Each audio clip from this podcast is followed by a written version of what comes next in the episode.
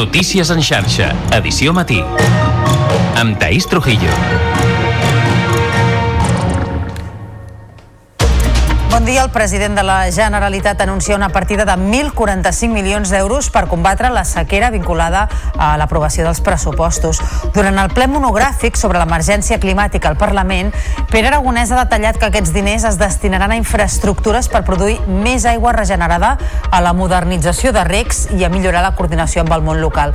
Junts per Catalunya, Esquerra Republicana i el PSC s'han llançat retrets creuats sobre la gestió dels recursos hídrics per manca d'inversions dels successius governs. Doncs així encapçarem el Notícies en xarxa d'aquest dimecres, dia 21 de febrer, i al punt de les 7 del matí repassem també altres titulars. Centenes de pagesos catalans se sumen aquest dimecres a la gran mobilització del sector a Madrid. Exigiran al Ministeri mesures contra la crisi de preus, els abusos de la cadena alimentària i la competència deslleial en les importacions. Les protestes continuaran la setmana que ve a Catalunya. Avui comencen les inspeccions d'urgència de pisos de Badalona després del desallotjament d'un tercer edifici al carrer del Canigó per l'aparició d'esquerdes. L'Ajuntament assumirà la despesa dels informes encarregats a una empresa especialitzada. Mentrestant, la Generalitat ha anunciat la creació d'un gabinet de crisi per fer-ne un seguiment permanent. En esports, després de tres temporades d'absència, el Barça torna aquesta nit als vuitens de final de la Lliga de Campions. Visita el Nàpols en l'anada dels vuitens de final. Davant tindrà un conjunt italià que estrenarà entrenador, Francesco Calzona. La prèvia arriba tocada per l'estripada de Frankie de Jong contra la premsa per les informacions sobre el seu futur. I demà arrenca la dotzena edició del Festival Internacional del Circ Elefant d'Or de Girona. Més d'una vuitantena d'artistes de 16 països presentaran espectacles inèdits a Europa. Entre altres reclams, s'hi batrà el rècord de trapezistes en una mateixa atracció. Repassats els titulars, ara obrim àrea de serveis. En primer lloc volem saber com se circula aquesta hora a les 7 del matí per la xarxa viària, per tant connectem amb el RAC. Àlex Huguet, bon dia. Molt bon dia. El matí comença amb una incidència a l'accés 2 a la Ronda de Dalt des dels túnels de Vallvidrera, on hi ha una màquina d'obres avariada a l'espera que es retiri d'aquí a uns minuts, però per ara la sortida està tancada provocant algunes cues. Complicada també la sortida de Barcelona per la C33, on s'ha tallat la calçada per un accident en sentit nord i ja hi ha un tram de 2 quilòmetres de congestió des del Nus de la Trinitat. Comencen també les retencions habituals en 2 quilòmetres de cues a la P7 al Papiol en sentit sud, la C58 arribant al Nus de la Trinitat des de Montcada i les rondes també en sentit Llobregat, molta congestió ja a la la B20 al tram de Santa Coloma i al Nus de la Trinitat i la Ronda Litoral amb 4 quilòmetres de retencions des de Sant Adrià fins al Poble Nou. És tot des del RAC. Bon dia. I atenció als usuaris de Rodalies perquè es preveu un matí complicat. A la línia R7 no circulen els trens i s'ha habilitat un servei alternatiu per carretera entre les estacions de Barcelona, Fabra i Puig i Cerdanyola Universitat. A la línia R4 se circula per via única entre Sabadell Sud i Montcada de Bifurcació. Això només permet que circulin dos trens per hora i sentit. Segons sembla, aquestes afectacions estarien, estarien causades per robatori de cable. I ara tanquem portada amb la previsió del temps. Eh, Lluís Miquel Pérez, bon dia. Bon dia, un dimecres que ha d'estar presidit pels núvols, però no pas per la pluja. Al llarg d'aquest matí els núvols més gruixuts els tindrem a les comarques de Tarragona, amb alguna boirina fins i tot, i tot plegat amb un ambient que no ha refredat gaire. La temperatura és si fa no fa com ahir a aquesta hora. Pel que fa aquesta tarda sí que baixarà la temperatura 2 o 3 graus, però encara serà molt agradable. I és que tindrem màximes per sobre dels 15 graus a gran part del país. Aquesta tarda amb més vent de Garbí a Girona i amb aquest cel que quedarà força tapat a gran gran part del país, però amb núvols que en algun moment deixaran passar el sol a través, per tant, no portaran pluja. N'estarem pendents a la xarxa. Notícies en xarxa, edició matí. Els pressupostos d'aquest any preveuen una partida de més de 1.000 milions d'euros per fer front a la sequera. És l'anunci que ha fet el president de la Generalitat, Pere Aragonès, en el ple monogràfic que s'està fent a instàncies de la CUP i en Comú Podem sobre aquesta situació d'excepcionalitat i arran del canvi climàtic. És per això que Aragonès ha demanat consens i responsabilitat a la resta de grups. Des de l'oposició, mentrestant, han tornat a aflorar les crítiques sobre mala gestió d'aquesta crisi. És una crònica de Lluís Mata. El president de la Generalitat ha detallat que si tiren endavant els comptes que encara s'estan negociant s'hi reflectiran 1.045 milions d'euros destinats a infraestructures per produir més aigua, millorar la xarxa d'abastiment, la coordinació amb el món local i modernitzar el sistema de rec, entre altres aspectes. Pere Aragonès ha demanat sentit de país als grups i ha acusat també els governs anteriors de l'escenari heretat per anys d'inacció en matèria d'aigua. Després d'anys de manca d'inversions, sigui per l'endeutament de l'Agència Catalana de l'Aigua o per una austeritat mal entesa d'altres governs. Avui, doncs, estem pagant les conseqüències també d'anys de sequera d'inversions. A tot això, el president del grup socialista i cap de l'oposició, Salvador Illa, ha culpat el govern de no haver preparat Catalunya davant l'emergència i li ha requerit flexibilitat per no perjudicar el teixit productiu. No pot ser una camisa de força, un pla que aprova el govern, no pot ser una camisa de força pel govern. Catalunya no ha de renunciar a generar prosperitat i no pot permetre que en aquesta situació de sequera es destrueixi teixit productiu. Des de Junts per Catalunya, Albert Batet ha reclamat un lideratge del govern clar davant la crisi i Jessica Albiach d'en Comú Podem ha retret a Esquerra Republicana el seguidisme al PSC en macroprojectes com el Hard Rock o l'ampliació de l'aeroport del Prat. Què costaran aquests vaixells i com es pagaran? Això s'ha d'explicar. Davant d'un problema de país, calen solucions de país. No sé si em preocupen més els que ens acusen de religió climàtica o els que fan un discurs verd, es posen a la solapa un pin de l'agenda 2030, però després segueixen proposant el Hard Rock al Camp de Tarragona, ampliar l'aeroport del Prat. Un cop registrades les propostes de resolució, es votaran al ple de demà. I a tot això el govern preveu aprovar els pressupostos de la Generalitat en els propers dies i no contempla que el Hard Rock sigui un escull per acordar-los amb el PSC.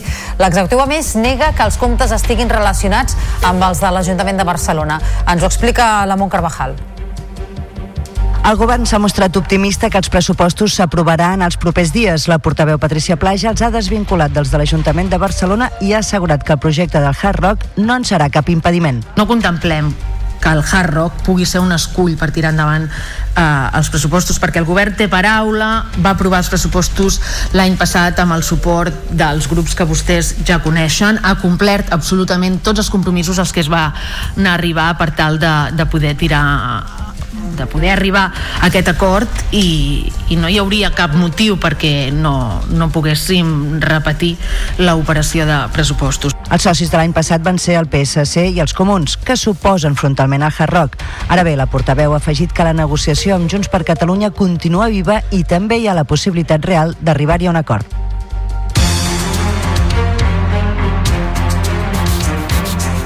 Uns 500 pagesos catalans participen avui a la mobilització agrària que es fa a Madrid, organitzats pel Sindicat Unió de Pagesos. Se sumen així a la protesta que ha convocat la Unió d'Unions d'Agricultors i Ramaders que aplegarà professionals d'arreu de l'Estat. La manifestació començarà amb una concentració a la Puerta de Alcalá a quarts d'onze per seguir en ruta fins a la seu del Ministeri d'Agricultura.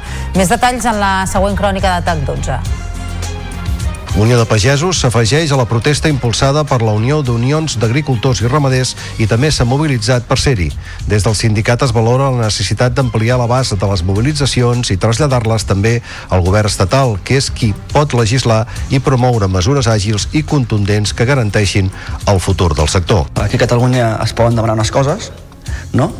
com el tema de les joves incorporacions, eh, ajuts per la sequera, però per exemple tot el que és eh, la cadena alimentària el tema de burocràcia, tot això s'ha de demanar a Madrid. És ells que han de fer, que han de fer el pas per poder fer el canvi de, de totes aquestes lleis. No? La principal reivindicació del sector es fixa en el preu del mercat dels productes. Reclamen la modificació de la llei de la cadena alimentària per garantir un preu d'origen que estigui per sobre dels costos que tenen els productors i que sancioni la revenda a pèrdues. Les mobilitzacions de la pagesia no s'aturen a Madrid. Unió de Pagesos preveu una concentració als punts fronterers amb França i Andorra el proper 28 de febrer. Molts dels participants de Catalunya ja van sortir ahir en vehicles particulars, altres ho fan avui en tren i diversos tractors que viatgen en gòndoles s'uniran a la columna de Segovia per seguir fins a Madrid. És el cas de la representació dels pagesos de Lleida, una delegació d'una trentena de persones que van marxar amb l'esperança que se'ls escolti. De les seves reivindicacions, diuen, en depèn la supervivència del sector. I els que han marxat avui de bon matí a les 6 són els pagesos de les Terres de l'Ebre. Han agafat el tren a Castelló. Amb ells viatja un equip de Canal 21 Ebre, el Manolo Velázquez i el Jonathan Farinyes, que hi han parlat abans d'embarcar-se. Hola, molt bon dia. Estem a l'estació de l'AVE de Castelló. D'aquí partiran en uns minuts una vintena de pagesos vinguts de l'Ebre, ja que s'han quedat sense bitllet al Camp de Tarragona, que és on surt el gruix dels pagesos de l'Ebre.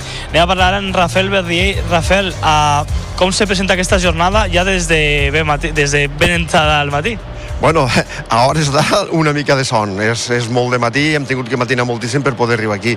La jornada es presenta amb molta il·lusió. De fet, eh, eh, tenim previst que a Madrid puguen acabar entrant més de 1.000 tractors, moltíssima gent, i sembla que la cosa està molt animada. I, bueno, tant de bo eh, poguéssim reivindicar i ens escolten. Ah, per què sortiu d'aquí de Castelló? La gent se pregunta per què. És perquè teniu pràcticament un AVE sencer ple ja. Sí, de fet, eh, imagineu com està la situació. Camp de Tarragona estava ple, Terra Alta, Ribera i Priorat surten des de Saragossa i nosaltres no hem tingut més remei que vindre aquí a Castelló perquè estava tot ple. Al final s'esperen uns 400-500 pagesos eh, catalans i de l'Ebre a Madrid. És això, no? fer aquest soroll que demanàveu fa unes setmanes i a veure si des del Ministeri pues, se fa una mica de, de cas a les reivindicacions de la pagesia catalana. Sí, de fet, aquesta és una més de les manifestacions, eh? perquè nosaltres no, no creiem que només en esta n'hi hagi prou. Jo crec que haurem de continuar en el temps manifestant-nos, però bueno, jo crec que eh, serà un, una qüestió de força, no? Vull dir, allí realment se veurà el malestar que hi ha, que a nivell estatal ja ho veieu, vull dir, la, cosa està que vull. I esta dies és una més, eh, però potser no sigui ni l'última, no? No, com, com també et dia, aquesta és una més, per tant considerem que haurem de sortir més vegades perquè les coses no s'arreglen d'un dia per a l'altre. I penseu que sí que hi ha qüestions que s'arreglen a nivell estatal, però hi ha moltes qüestions que s'han d'arreglar a nivell europeu. Per tant, això costa una mica més i les reivindicacions jo penso que s'hauran d'allargar. Moltíssimes gràcies, Rafael. Aquesta és la, la idea d'este dia que pinta ser un dia històric per a la pagesia de l'Ebre en uns 400-500 pagesos que aniran i marxaran per Madrid i que comença ara a les estacions de l'AVE de Camp de Tarragona i també d'aquí de Castelló. La jardineria professional reivindica els espais verds com a necessitat davant l'emergència climàtica. La clau per a la supervivència dels espais verds a pobles i ciutats serà dotar-los de plantes adequades a les condicions meteorològiques actuals. Explicaran com fer-ho a la Fira de Sant Josep de Mollerussa, que començarà el 17 de març. Ens ho expliquen des de Mollerussa TV és que el Gremi de Jardineria alerta que el decret de sequera els aboca al tancament d'empreses i pèrdues importants. El seu president, Miquel Marín, ha volgut destacar els efectes beneficiosos de la vegetació i, per tant, la seva importància. Parlarem de cap a on va el jardí del futur. Ha de ser un jardí sostenible, un jardí resilient. Això què vol dir? Això vol dir que ens hem d'adaptar a la situació que tenim i hem d'escollir plantes autòctones que siguin adaptades al nostre clima. Hem de fer eh, encoixinaments que permetin retenir l'aigua dins del sol.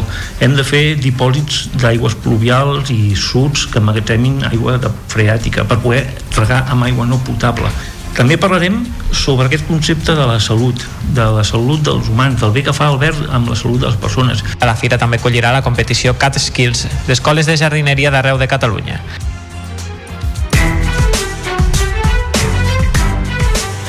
Camí d'un quart de vuit del matí, falten dos minuts. L'Ajuntament de Badalona ha contractat d'urgència els serveis d'una empresa especialitzada per fer la inspecció dels 420 habitatges de la mateixa promoció de l'Esfondrat fa dues setmanes, després que ahir es van haver de desallotjar 150 persones d'un tercer bloc de pisos per l'aparició d'esquerdes. Tècnics municipals i de l'empresa tenen previst començar avui mateix les inspeccions i els primers blocs que s'analitzaran seran els dels números 7 i 11 del carrer Canigó, adjacents a la finca número 9, que és la que es va esfondrar. L'alcalde de Badalona, Xavier García Albiol, ha assegurat que l'Ajuntament assumirà, si cal, les despeses d'aquestes actuacions. He apuntat doncs, que si hi ha algun veí que no pot fer front al pagament de les inspeccions que són necessàries per garantir la seguretat d'aquests blocs, per tindre la total confiança doncs, que no hi ha cap tipus de problema, doncs si algú no pot fer front econòmicament els ajudarem perquè no estem per perdre el temps i aquest tipus d'inspeccions s'han de fer de manera immediata en els propers, en els propers dies. Els Mossos d'Esquadra han detingut 15 persones presumptament relacionades amb diverses xarxes de producció i tràfic de drogues a Barcelona i l'àrea metropolitana. Se'ls relaciona amb el tràfic de marihuana i haixix. L'operació l'han fet aquest dimarts amb 21 entrades i registres a domicilis i naus industrials de Barcelona, Sant Adrià de Besòs i Vallgorguina, entre d'altres ciutats. Hi han participat un centenar d'agents d'unitats especialitzades. La investigació continua oberta i sota secret judicial.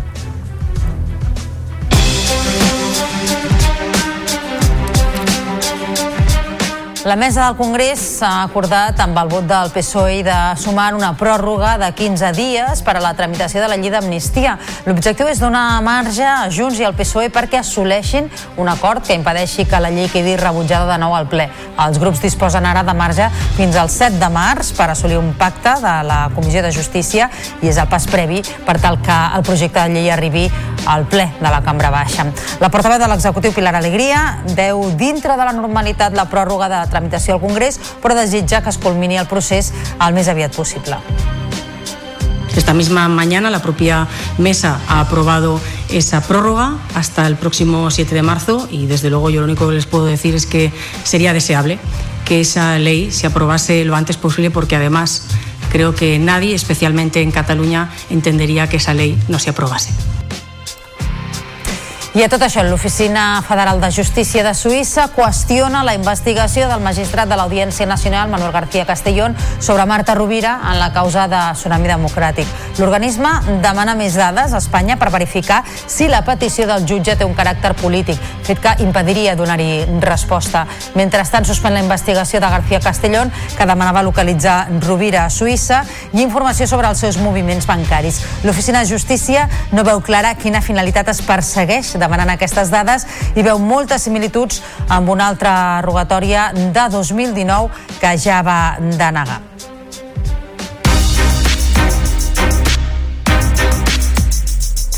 Com us hem explicat a l'inici d'aquest Notícies en xarxa, matí complicat a Rodalies. A aquesta hora no circulen els trens a la línia R7 i s'ha habilitat un servei alternatiu per carretera entre Fabra i Puig i Cerdanyola Universitat.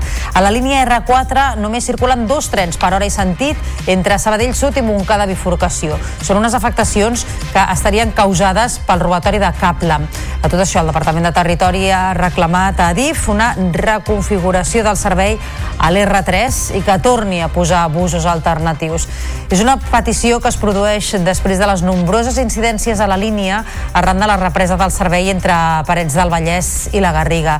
Ahir mateix es va produir una reunió telemàtica entre el govern català, Adif, Renfe i 50 representants municipals afectats per l'R3. L'operadora va justificar la incidència amb problemes d'assentament de la infraestructura i va advertir que fins al 4 de març no es podrà recuperar part de la normalitat a l'R3. Oriol Martori és el director de Transports i Mobilitat de la Generalitat.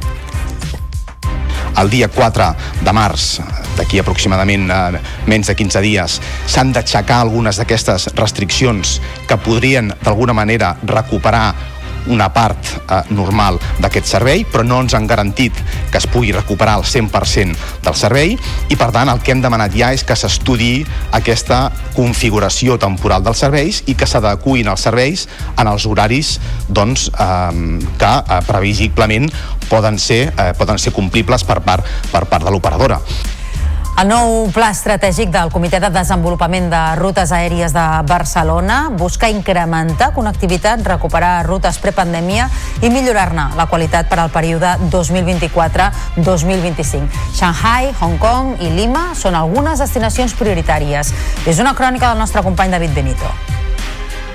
L'aeroport de Barcelona posa la mirada cap a l'Àsia i Llatinoamèrica per atreure més connexions per al període 2024-2025 i és que Shanghai, Hong Kong, Lima, Delhi i Tòquio són les destinacions més ben puntuades i demandades. Així, l'objectiu és impulsar els vols intercontinentals i recuperar alguns ja existents abans de la pandèmia i també servir rutes que encara no existien. Marc Sanglàs és president del Comitè de Desenvolupament de Rutes Aèries de Barcelona, el CEDRA. Això ens permet, diguem, atraure gent i per tant Barcelona és un punt important, de, interessant, diguem, des d'aquest punt de vista d'atracció i per tant l'hem de fomentar i, i hem d'aprofitar-ho. El comitè ha assegurat que els objectius marcats es poden complir amb les infraestructures actuals. La infraestructura actual aguanta aquest pla estratègic. No és un tema de, de dicotòmic d'ampliació, ampliació, no? sinó que hi ha molts factors a tenir en compte i que s'han d'abordar i seran avaluats en aquestes negociacions amb el, amb el govern espanyol. L'aeroport de Barcelona ha registrat nombres de passatgers similars, tot i que encara inferiors a la pandèmia. Tot i això, els primers mesos de l'any conviden a sobrepassar aquestes xifres durant el 2024.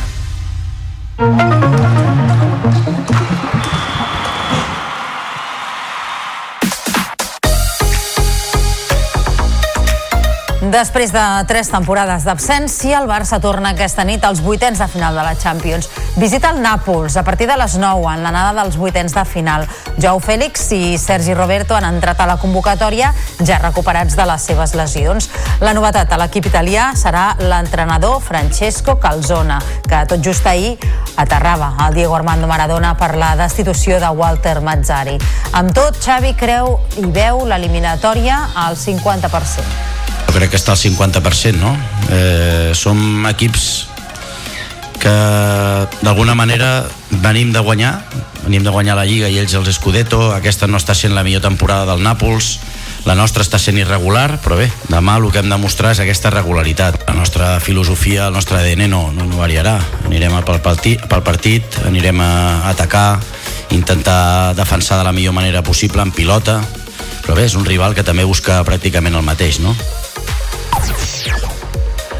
La prèvia arriba tocada per l'estripada de Frankie de Jong contra la premsa per les informacions sobre el seu futur.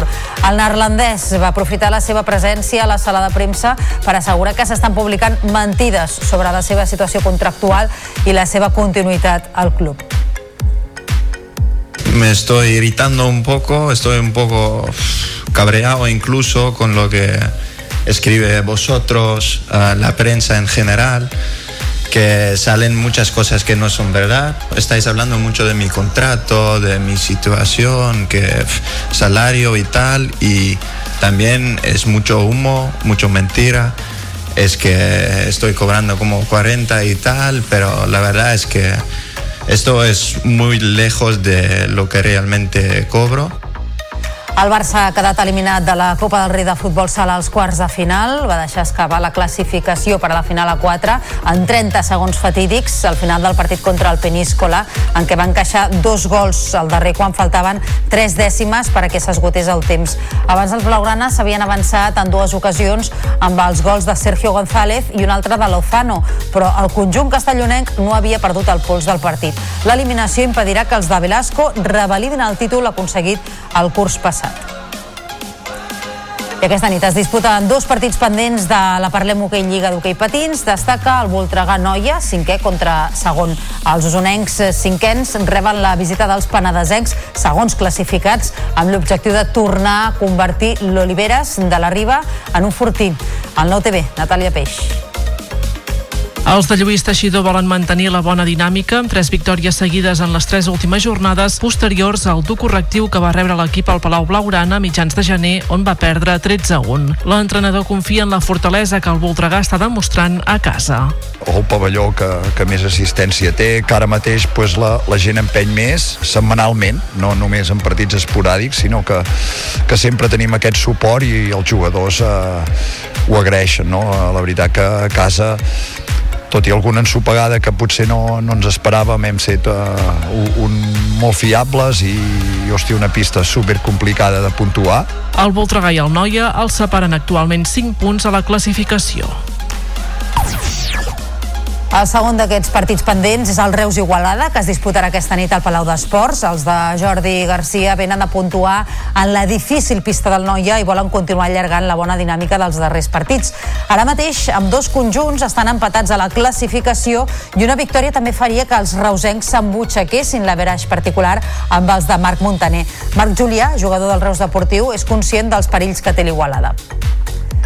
Un equip jove, un equip que hi va, un equip que ataca, un equip que corre, un equip que està amb una molt bona dinàmica. Crec que hem d'intentar imposar el nostre joc, que no corrin, a partir d'aquí defensar fort, sortir a la contra, atacar com estem atacant, perquè crec que estem en una molt bona dinàmica i a partir d'aquí doncs, rectificar que, que nosaltres hem d'anar escalant, tenir gol a particularment, sobretot també, que és important.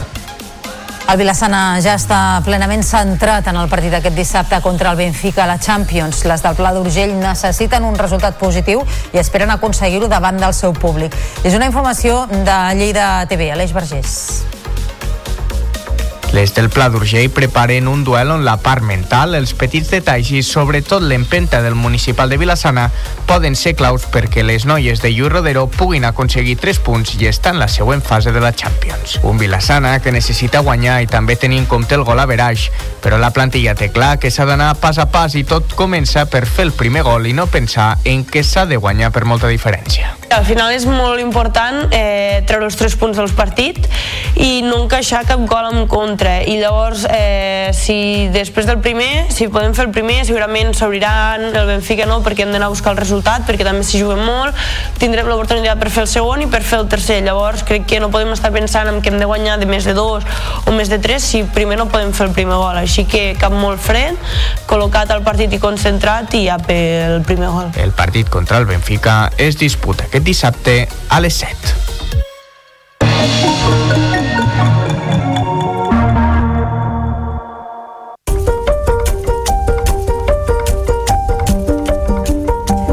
Torna a Girona el Festival Internacional del Circ Elefant d'Or i ho fa amb més força que mai. Aquesta dotzena edició bat rècords d'atraccions i de països participants. Fins a 81 artistes arribats de 16 països presentaran 24 atraccions inèdites a Europa. Els companys de la televisió de Girona ja han pogut veure algunes actuacions. Enguany es presenten disciplines noves al festival, com els malabars amb gerros gegants, acrobàcies amb màstils oscil·lants o la manipulació de tridents.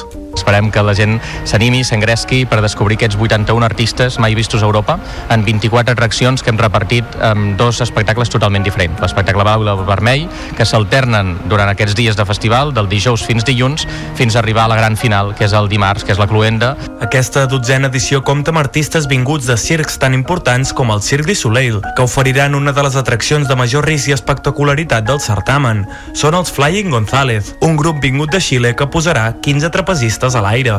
Una dotzena edició del festival que tindrà presència catalana amb els il·lusionistes Ramó i Alegria. Es tracta d'un duo que els organitzadors van descobrir en un festival de circ a Xina. Ara presentaran aquest espectacle d'il·lusionisme còmic a la pista gironina.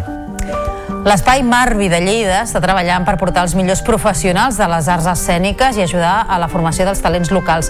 Aquesta és una de les línies amb què s'emmarca el projecte Singulars que ens expliquen des de Lleida Televisió. L'Espai Marvi, un lloc de creació i coworking per a empreses i entitats relacionades amb les arts escèniques a Lleida, ha rebut l'ajuda singulars per part de la Generalitat. Aquesta donarà recursos i eines tant a nivell artístic com de gestió o fiscalitat per la millora de la professionalització del sector. Vam apostar perquè Marvi i tot el conjunt d'entitats que han demanat les subvencions singulars poguessin demanar aquesta línia de finançament perquè creiem que era un sector molt estratègic aquí a Lleida. Una ajuda que permetrà potenciar la formació i l'ocupació. I és que, per exemple, hi ha una greu mancança de tècnics de so i de llum a les arts escèniques. Singulars també permetrà portar a Lleida els millors professionals del sector per ajudar a la formació dels talents locals.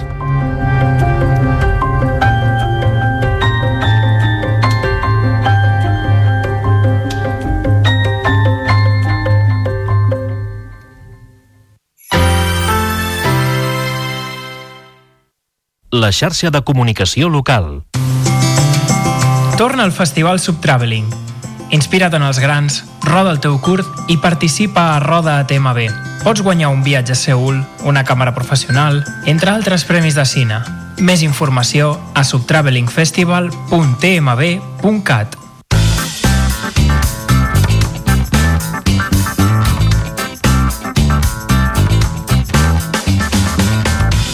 Sabies que...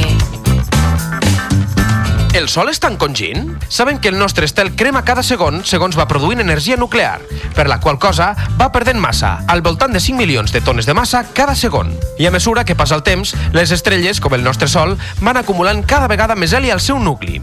Aquesta quantitat creixent de cendra de fusió fa que el nucli s'escalfi i que aquest expandeixi el seu volum. No obstant això, si la taxa de pèrdua de massa és continuada a causa de la fusió i els vents solars, no hauria de ser el contrari.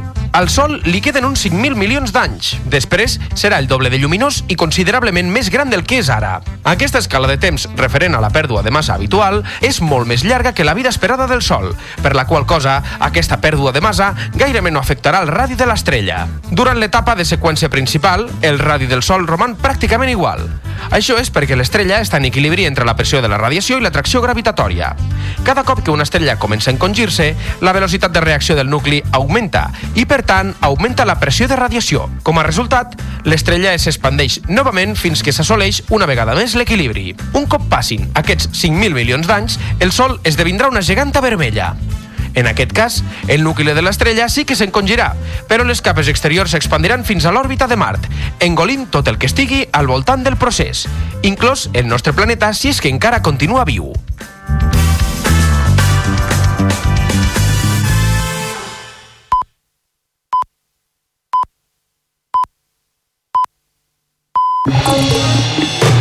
Notícies en xarxa, edició matí. Amb Taís Trujillo. Dia, són dos quarts de vuit del matí i avui encapçalem el Notícies en xarxa amb la partida de 1.045 milions d'euros per combatre la sequera vinculada a l'aprovació dels pressupostos que ha anunciat el president de la Generalitat. Durant el ple monogràfic sobre l'emergència climàtica al Parlament, Pere Aragonès ha detallat que aquests diners es destinaran a infraestructures per produir més aigua regenerada, a la modernització de rics i a millorar la coordinació amb el món local. Junts per Catalunya, Esquerra Republicana i el PSC s'han llançat retrets creuats sobre la gestió dels recursos hídrics per manca d'inversions dels successius governs. De seguida us ampliem, abans però repassem també altres titulars d'aquest dimecres 21 de febrer. Centenars de pagesos catalans se sumen aquest dimecres a la gran mobilització del sector a Madrid. Exigiran al Ministeri mesures contra la crisi de preus, els abusos de la cadena alimentària i la competència deslleial en les importacions. Les protestes continuaran la setmana que ve a Catalunya.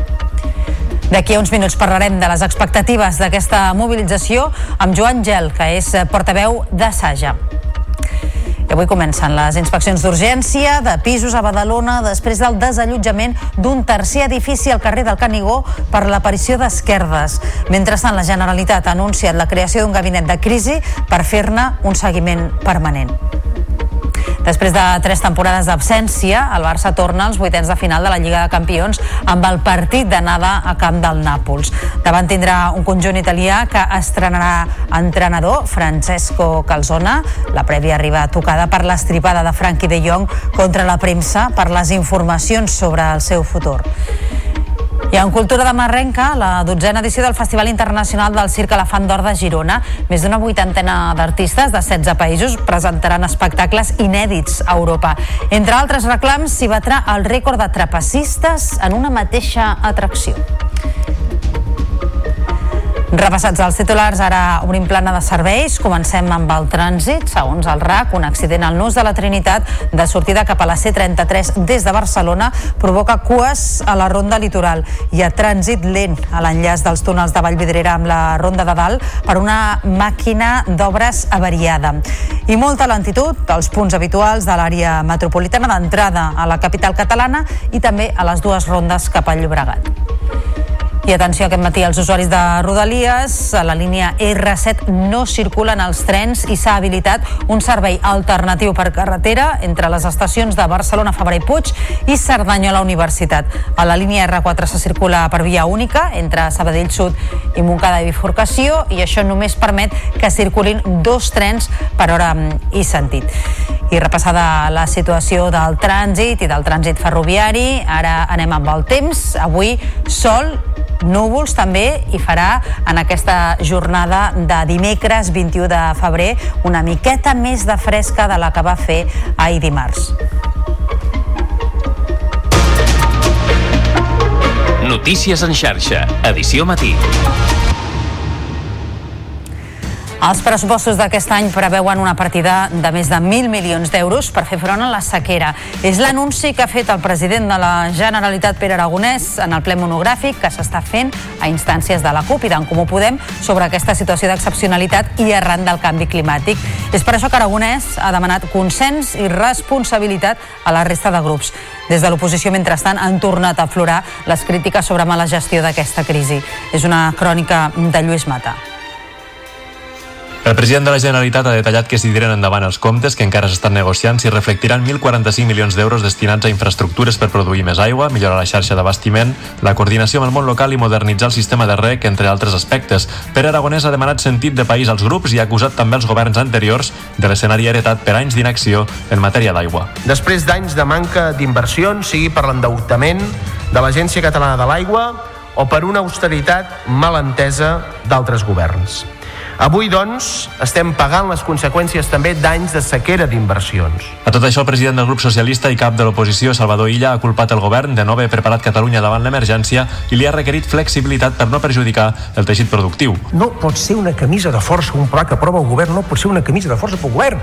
Catalunya no ha de renunciar a generar prosperitat i no pot permetre que en aquesta situació de sequera es destrueixi teixit productiu. Des de Junts per Catalunya, Albert Batet ha reclamat un lideratge del govern clar davant la crisi i Jessica Albiach d'en Comú Podem ha retret a Esquerra Republicana el seguidisme al PSC en macroprojectes com el Hard Rock o l'ampliació de l'aeroport del Prat. Què costaran aquests vaixells i com es pagaran? Això s'ha d'explicar. Davant d'un problema de país, calen solucions de país. No sé si em preocupen més els que ens acusen de religió climàtica o els que fan un discurs verd, es posen a la solapa un pin de l'agenda 2030, però després segueixen proposant el Hard Rock al Camp de Tarragona, ampliar l'aeroport del Prat... Un cop registrades les propostes de resolució, es votaran al ple de demà. I a tot això el govern preveu aprovar els pressupostos de la Generalitat en els propers dies i no contempla que el Hard Rock sigui un escull per acordar-los amb el PSC. L'executiu, a més, nega que els comptes estiguin relacionats amb els de l'Ajuntament de Barcelona. Ens ho explica la Montcarvajal. El govern s'ha mostrat optimista que els pressupostos s'aprovaran els propers dies. La portaveu Patricia Plaja els ha desvinculat dels de l'Ajuntament de Barcelona i ha assegurat que el projecte del Hard Rock no en serà cap impediment. No contemplem que el Hard Rock pugui ser un escull per tirar endavant eh, els pressupostos perquè el govern té paraula, va aprovar els pressupostos l'any passat amb el suport dels grups que vostès ja coneixen, ha complert absolutament tots els compromisos als que es va anar a arribar per tal de, de poder tirar de poder arribar a aquest acord i, i no hi hauria cap motiu perquè no, no poguéssim repetir l'operació de pressupostos. Els socis de l'any passat van ser el PSC i els comuns, que suposen frontalment a Hard. Ara bé, la portaveu ha afegit que la negociació amb Junts per Catalunya continua viva i també hi ha la possibilitat real d'arribar-hi a un acord. On sí que s'ha visualitzat l'acord entre socialistes, republicans i comuns és a l'Ajuntament de Barcelona.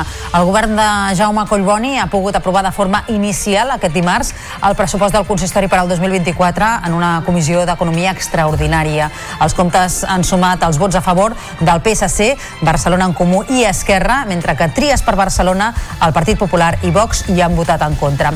Ens ho explica el Marc Garcia, de BTV primera victòria del PSC amb els comptes municipals. El govern de Jaume Collboni se n'ha sortit, en part gràcies a l'acord pressupostari que va tancar amb Esquerra. Un pacte que faig meu, que també comporta el compromís, la confiança i lealtat durant el procés d'aquest pacte. Els socialistes, en canvi, han admès falta de confiança en Barcelona en Comú, que ha votat a favor dels comptes amb la condició de pactar un tripartit. Aprofitin aquesta proposta, perquè realment no fer-ho seria mantenir aquesta actitud d'irresponsabilitat i, per tant, entendrem que vostès renuncien al nostre suport. Un acord és més que un document signat, és una demostració de confiança i probablement la confiança no la tenim.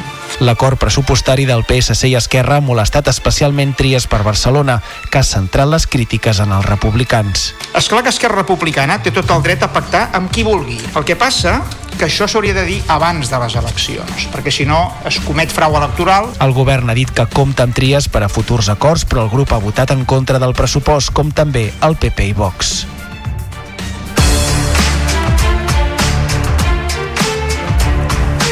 Passant ara 8 minuts de dos quarts de 8 del matí. Uns 500 pagesos catalans participen avui a la mobilització agrària que es fa a Madrid. Organitzats pel Sindicat Unió de Pagesos se sumen així a la protesta que ha convocat la Unió d'Unions d'Agricultors i Ramaders que plegarà professionals d'arreu de l'Estat. Aquesta manifestació començarà amb una concentració a la Porta d'Alcalà a quarts d'onze per seguir en ruta fins a la seu del Ministeri d'Agricultura. A la mobilització de Madrid també s'hi sumen, com dèiem, pagesos de Catalunya convocats per Unió de Pagesos, però també per a Saja. Joan Gel és portaveu de l'Associació Agrària de Joves Agricultors de Saja. Senyor Gel, molt bon dia. Bon dia. Amb quin esperit afronten la protesta d'avui a la capital d'Espanya? Bueno, eh, sens dubte és continuar amb la pressió que hem estat fent els últims dies per intentar aconseguir doncs, un dels nostres objectius, no? que se'ns escolti i que se'ns tingui en compte les nostres reivindicacions. Uh -huh. Quin grau de participació però també de representació respecte als sindicats que hi assistiran tindrà en aquesta protesta, en aquesta manifestació la pagesia catalana? Bé, no serà molt extensa. Tinc entès que aniran mm, entre 200 i 500 persones sense tractors i bueno, serà més aviat una representació testimonial per mostrar-nos de suport. Uh -huh. eh, fins ara, els gestos que han fet les administracions públiques, i parlo tant de la Generalitat com del govern espanyol i del ministre Luis Planas, no han servit perquè aquestes protestes afluixin. Alguna o algunes de les mesures que ha proposat, per exemple, el ministre d'Agricultura, Luis Planas, el satisfà? Aquest paquet de 18 mesures que va presentar la setmana passada? Bueno, en principi són només paraules, eh, no quedem satisfets i hem d'esperar els aconteixements, però bueno, això sense baixar la pressió. Mm -hmm. És a dir, si aquestes mateixes paraules eh, es materialitzessin en fets, amb el que han promès, sí que estarien d'acord, com per retirar les protestes. Costa confiar en que es compleixin totes les promeses. Mm -hmm de què és del que més eh, desconfien, del que més necessitarien que es complís i que no pensen que pugui acabar passant? Bueno, sempre ens queixem del tema burocràtic eh, que al final va lligat amb tot, no? Al final, si tu tens que complir una sèrie de burocràcia molt estricta però tens un preu que tu compensa, tu et pots permetre portar endavant aquesta burocràcia. Eh, igualment, si aquesta burocràcia que ens exigeixen a nosaltres també arriba de, a tots els productes que ens arriben a nosaltres també l'han de complir, això també provoca que no tinguem competència deslleial. Al final tot, tot, tot va lligat. Tot es pot acomplir, però també hem de tenir en compte que tot això provocarà uns augments de preus que repercutiran al consumidor, lògicament. No, no, ens podem tirar, no ens podem posar nosaltres tot aquest augment de costos a l'esquena. És a dir, que si continuen totes aquestes uh, traves o dificultats burocràtiques, uh, hem d'esperar que l'increment de preus es faci notar d'aquí a poc. Sí, bueno, d'aquí a poc o progressivament. Uh -huh. uh, hi haurà, sens dubte, hi haurà un, continuarà disminuint el número de ramaders i d'agricultors a Catalunya i a tota Espanya i a tota Europa. Uh, els que hi haurà cada vegada seran més grossos perquè tindran capacitat de poder suportar aquesta burocràcia i això, sens dubte, repercutirà, repercutirà en els preus. Doncs estarem pendents eh, d'aquesta protesta avui a Madrid davant el Ministeri d'Agricultura. Joan Gel, portaveu de Saja, un dels sindicats que participen en aquesta mobilització a la capital d'Espanya. Gràcies per atendre'ns aquest matí al Notícies en xarxa. Molt bon dia. Gràcies, bon dia. Notícies en xarxa. Tot el que cal saber quan comença un nou dia.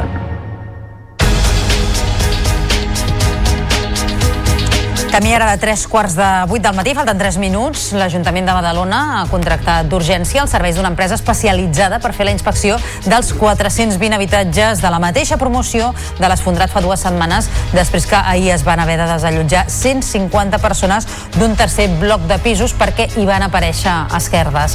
Tècnics municipals i de l'empresa tenen previst començar avui mateix les inspeccions i els primers blocs que analitzaran seran els dels números 7 i 11 del carrer Canigó, els adjacents a la finca número 9, que és la que es va esfondrar. L'alcalde de Badalona, Xavier García Albiol, ha assegurat que l'Ajuntament assumirà, si cal, les despeses d'aquestes actuacions.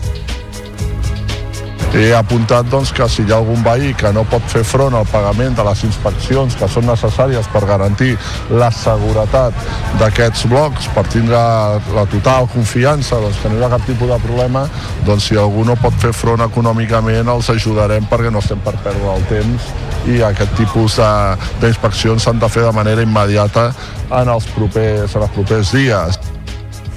Com us hem explicat a l'inici matí complicat a Rodalies, a aquesta hora no circulen els trens a la línia R7 i s'ha habilitat un servei alternatiu per carretera entre Fabra i Puig i Cerdanyola Universitat. A la línia R4 només circulen dos trens per hora i sentit entre Sabadell Sud i Montcada Bifurcació. Són unes afectacions que estarien causades pel robatori de cable. I a tot això, el Departament de Territori ha reclamat a Adif una reconfiguració del servei a l'R3 i que torni a posar busos alternatius és una petició que es produeix després de les nombroses incidències a la línia arran de la represa del servei entre Parets del Vallès i la Garriga. Ahir mateix es va produir una reunió telemàtica entre el govern català, Adif, Renfa i 50 representants municipals afectats per l'R3. L'operadora va justificar les incidències amb problemes d'assentament de la infraestructura i va advertir que fins al 4 de març no es podrà recuperar part de la normalitat a l'R3. Oriol Martori és el director de Transport Transports i Mobilitat de la Generalitat. El dia 4 de març, d'aquí aproximadament eh, menys de 15 dies, s'han d'aixecar algunes d'aquestes restriccions que podrien d'alguna manera recuperar una part eh, normal d'aquest servei, però no ens han garantit que es pugui recuperar el 100% del servei i, per tant, el que hem demanat ja és que s'estudi aquesta configuració temporal dels serveis i que s'adecuïn els serveis en els horaris doncs, eh, que eh, previsiblement poden ser, eh, poden ser complibles per part, per part de l'operadora. Els Mossos d'Esquadra han detingut 15 persones presumptament relacionades amb diverses xarxes de producció i tràfic de drogues a Barcelona i l'àrea metropolitana. Se'ls relaciona amb el tràfic de marihuana i haixix. L'operació l'han fet aquest dimarts amb 21 entrades i registres a domicilis i naus industrials de Barcelona, Sant Adrià de Besòs i Vallgorguina, entre altres ciutats. Hi han participat un centenar d'agents d'unitats especialitzades. Aquesta investigació continua oberta i sota secret judicial.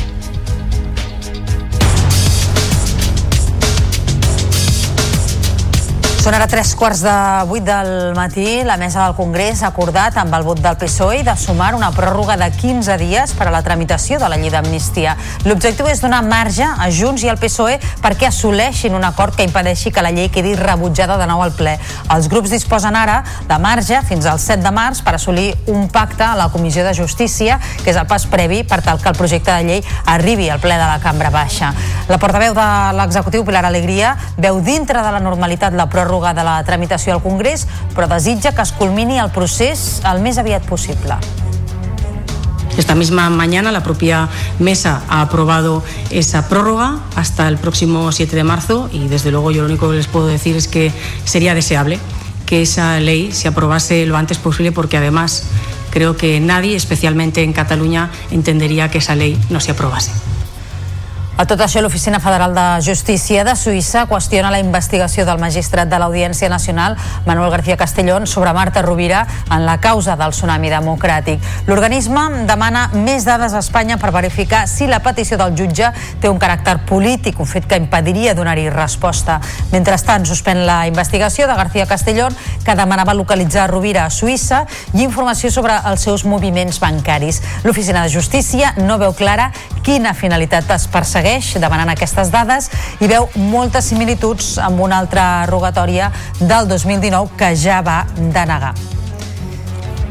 I Julian Assange esgota les opcions d'evitar l'extradició als Estats Units on s'enfronta a una llarga condemna per espionatge. La vista, el Tribunal Superior de Londres, ha de continuar avui després que ahir el seu advocat defensés que és víctima d'una persecució política i acusés la CIA d'un complot per assassinar-lo. Assange ha rebut suport arreu del món. A Barcelona unes 800 persones es van concentrar ahir al vespre davant el consulat britànic per reclamar la llibertat del periodista. Els concentrats eh, van reivindicar també el dret de la ciutadania a una informació veraç i el dret dels periodistes a investigar.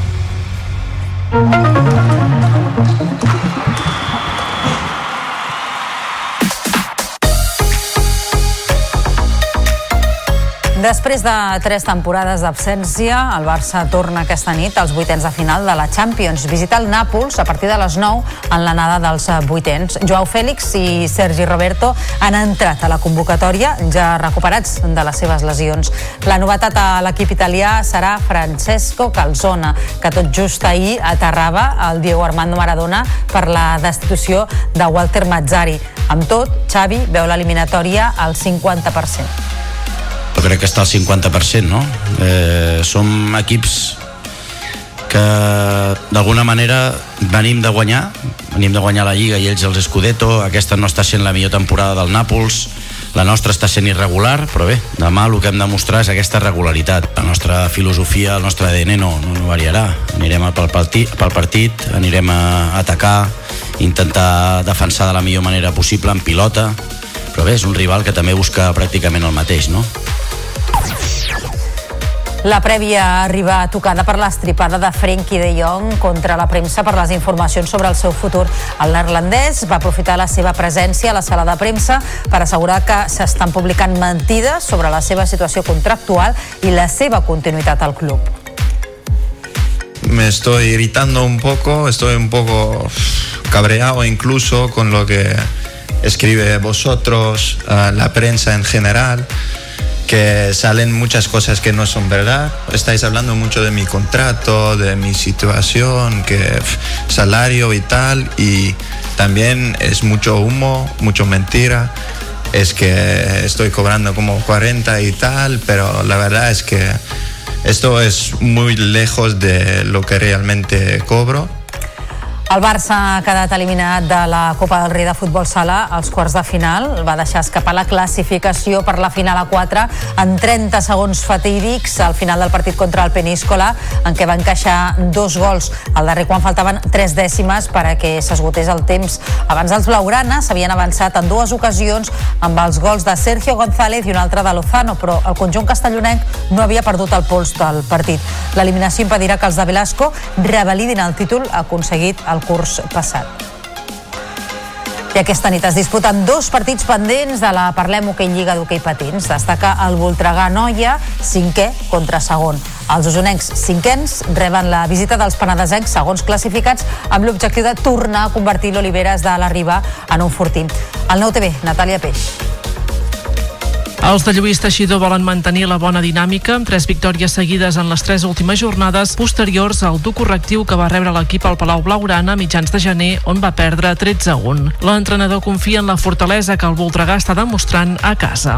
El pavelló que, que més assistència té, que ara mateix pues, la, la gent empeny més setmanalment, no només en partits esporàdics, sinó que, que sempre tenim aquest suport i els jugadors eh, ho agraeixen. No? La veritat que a casa tot i alguna ensopegada que potser no, no ens esperàvem, hem set uh, un, molt fiables i, hòstia, una pista super complicada de puntuar. El Voltregà i el Noia els separen actualment 5 punts a la classificació. El segon d'aquests partits pendents és el Reus Igualada, que es disputarà aquesta nit al Palau d'Esports. Els de Jordi Garcia venen de puntuar en la difícil pista del Noia i volen continuar allargant la bona dinàmica dels darrers partits. Ara mateix, amb dos conjunts estan empatats a la classificació i una victòria també faria que els reusencs s'embutxaquessin la veres particular amb els de Marc Montaner. Marc Julià, jugador del Reus Deportiu, és conscient dels perills que té l'Igualada un equip jove, un equip que hi va, un equip que ataca, un equip que corre, un equip que està amb una molt bona dinàmica. Crec que hem d'intentar imposar el nostre joc, que no corrin, a partir d'aquí defensar fort, sortir a la contra, atacar com estem atacant, perquè crec que estem en una molt bona dinàmica i a partir d'aquí doncs, rectificar que, que nosaltres hem d'anar escalant, tenir gol a particularment, sobretot també, que és important. El bàsquet Girona es reforça amb el base Kenny Sherry. El base canadenc substitueix Corey Davis, apartat de l'equip per indisciplina. Sherry, que ha jugat aquest curs dos mesos amb el joventut, acumula 69 partits a la CB en una trajectòria que, a banda del club badaloní, també passa pel Gran Canària, el Guipúscoa i el Betis. Els de Cats Sicaris, que són 14 a la taula, s'enfrontaran diumenge a l'Obradoiro, un partit en què podria debutar el pivot Kem Birch. Martorell serà la ciutat del bàsquet català durant el 2024. El municipi que agafa el relleu de Banyoles organitzarà durant tot l'any esdeveniments esportius, socials i culturals relacionats amb el bàsquet sota la coordinació d'una comissió formada pel consistori i els dos clubs de la ciutat, el Club de Bàsquet La Mercè i el Martorell. I en tenis taula, Reus ha presentat la setmana del tenis eh, taula que arrencarà divendres. Els actes organitzats pel Club Ganxets inclouran tornejos, xerrades i conferències amb la inclusió i la solidaritat com a temes destacats. Més dades des de Canal Reus Televisió. Mireia Jansà. Entre les set competicions i les tres xerrades previstes, destaca el torneig del Parkinson, que ha tingut una gran rebuda. Mirem doncs, també de donar a conèixer aquesta malaltia a la, a la gent i que vegin que doncs, l'esport també ajuda a, a, bueno, a millorar o conviure amb la malaltia. Bé, arrel d'això eh, ha sigut el torneig que el començàvem una mica més potser no tan no hi teníem tanta informació per poder fer tirar endavant i en aquest moment jo diria que és l'èxit o el, el torneig que tindrà més presència. Més enllà d'aquest torneig, un dels altres punts importants de la setmana serà el partit d'exhibició que enfrontarà una selecció de jugadores sud-americanes contra les integrants del primer equip del club reusenc. Aquest divendres arranca la setmana del tenis taula amb la inauguració, un certamen que s'allargarà fins al diumenge 3 de març, moment en què acabarà l'esdeveniment amb el torneig de les famílies.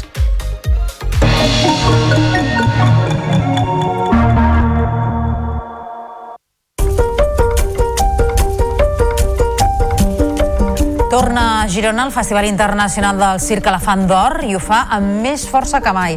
Aquesta dotzena edició va rècords d'atraccions i de països participants. Fins a 81 artistes arribats de 16 països presentaran 24 atraccions inèdites a Europa. Els companys de la televisió de Girona ja han pogut veure alguna de les actuacions. Enguany es presenten disciplines noves al festival, com els malabars amb gerros gegants, acrobàcies amb màstils oscil·lants o la manipulació de tridents.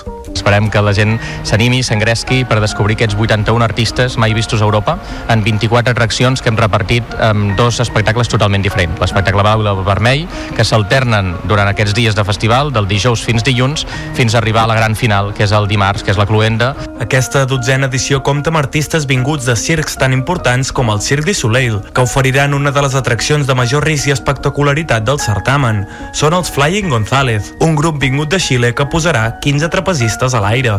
Una dotzena edició del festival que tindrà presència catalana amb els il·lusionistes Ramó i Alegria. Es tracta d'un duo que els organitzadors van descobrir en un festival de circ a Xina. Ara presentaran aquest espectacle d'il·lusionisme còmic a la pista gironina. I no deixem el circ perquè el Circ du Soleil va aixecar ahir la seva emblemàtica carpa al barri de Bellvitge, a l'Hospitalet de Llobregat. A partir del 20 de març s'hi representarà l'espectacle Alegria, que es tornarà a fer després de 30 anys de la seva estrena. Ens ho expliquen els companys de la televisió de l'Hospitalet. No hi ha circ sense carpa.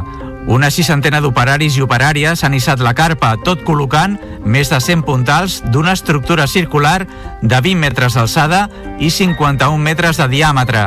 La reestrena d'aquest espectacle que el Cirque du Soleil va presentar l'any 1994 i que ha girat per tot el món comptarà amb una cinquantena d'artistes de 19 països diferents. Hi haurà també novetats significatives. The show that's coming here is a reimagination of the original production. El show que presentem aquí és l'original reimaginat, però amb la mateixa sensació. Hi ha nou escenari, il·luminació, noves acrobàcies i nova tecnologia per mantenir el nivell d'aquests 30 anys. has evolved in 30 years. Les feines duraran encara una setmana, perquè a més de la carpa, Alegria mou 2.000 tones de material. Alegria es podrà veure a l'Hospitalet fins al maig. La lona de la carpa és blanca per mitigar la calor. L'Ajuntament de Barcelona ha comprat el fons del fotògraf Humberto Rivas, referent d'aquest eh, camp a Barcelona. El fotògraf argentí va arribar a la ciutat l'any 1976, on va passar més de la meitat de la seva vida. Tenia especial predilecció pel retrat i els paisatges. El fons està format per més de 23.000 negatius, diapositives de diferents mides, 6 maquetes de fotomuntatges i 200 tiratges originals amb personatges rellevants a Catalunya i també retrats, eh, bodegons, vagons, façanes de comerços i paisatges urbans d'Humberto Rivas.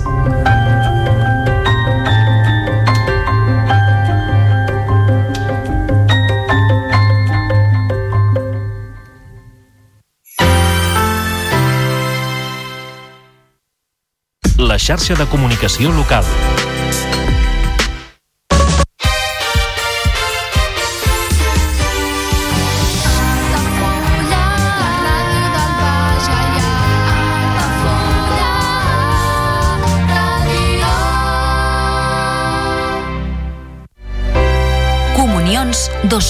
2024. Dates ja disponibles amb sales privades, jardí, pàrquing privat i la millor gastronomia. Més informació i reserves al 977 65 11 55 i a comercial arroba altafullamarotel.com o al web altafullamarotel.com. Les teves celebracions familiars a l'Altafulla Mar Hotel. Carrer Major, el programa de les emissores del Camp de Tarragona. Cada dia de 4 a 6 de la tarda, el que passa al Camp de Tarragona t'ho expliquem amb la major redacció d'un programa de territori quilòmetre zero. Periodisme de proximitat, continguts de qualitat, amb Anna Plaza i Toni Mateos. Carrer Major.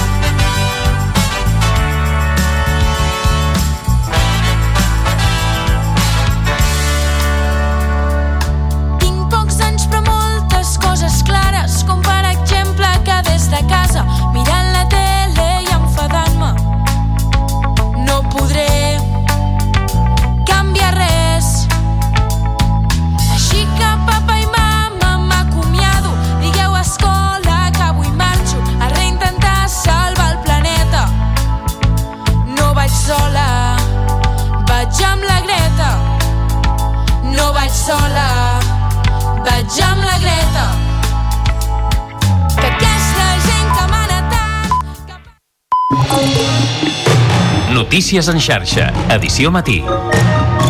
Amb Taís Trujillo. Bon dia. El president de la Generalitat anuncia una partida de 1.045 milions d'euros per combatre la sequera vinculada a l'aprovació dels pressupostos. Durant el ple monogràfic sobre l'emergència climàtica al Parlament, Pere Aragonès ha detallat que aquests diners es destinaran a infraestructures per produir més aigua regenerada, a la modernització de recs i a millorar la coordinació amb el món local. Junts per Catalunya, Esquerra Republicana i PSC s'han llançat retrets creuats sobre la gestió dels recursos hídrics per manca d'inversions dels successius governs. D'aquesta manera encapçarem el Notícies en xarxa d'aquest dimecres 21 de febrer i al punt de les 8 del matí repassem també altres titulars. Centenars de pagesos catalans se sumen aquest dimecres a la gran mobilització del sector a Madrid. Exigiran al Ministeri mesures contra la crisi de preus, els abusos de la cadena alimentària i la competència deslleial en les importacions. Les protestes continuaran la setmana que ve a Catalunya. Avui comencen les inspeccions d'urgència de pisos a Badalona després del desallotjament d'un tercer edifici al carrer del Canigó per l'aparició d'esquerdes. L'Ajuntament assumirà la despesa dels informes encarregats a una empresa especialitzada. Mentrestant, la Generalitat ha anunciat la creació d'un gabinet de crisi per fer-ne un seguiment permanent. I atenció aquest matí als usuaris de Rodalies perquè el d'aquest dimecres està sent un matí complicat. De seguida connectarem en directe amb l'estació de Barcelona Fabra i Puig perquè no hi circulen els trens de la línia R7 entre aquesta estació i Cerdanyola Universitat i s'ha habilitat un servei alternatiu per carretera. A la línia R4 se circula per via única entre Sabadell Sud i Montcada Bifurcació. Això només permet que circulin dos trens per hora i sentit. Aquestes afectacions estan causades pel robatori de cable. En esports, després de tres temporades d'absència, el, el Barça torna als vuitens de final de la Lliga de Campions amb el partit d'anada a camp del Nàpols. Davant tindrà un conjunt italià que estrenarà entrenador, Francesco Calzona. La prèvia arriba tocada per l'estripada de Frenkie de Jong contra la premsa per les informacions sobre el seu futur. I en Cultura demà arrenca la dotzena edició del Festival Internacional de Circ Elefant d'Or de Girona. Més d'una vuitantena d'artistes de 16 països presentaran espectacles inèdits a Europa. Entre altres reclams, s'hi batrà el rècord de trapezistes en una mateixa atracció. Repassats els titulars, ara obrim àrea de serveis. En primer lloc volem saber com se circula aquesta hora per la xarxa viària catalana, per tant connectem amb el Servei Català de Trànsit. Sílvia de l'Amo, bon dia. Hola, bon dia, Taís.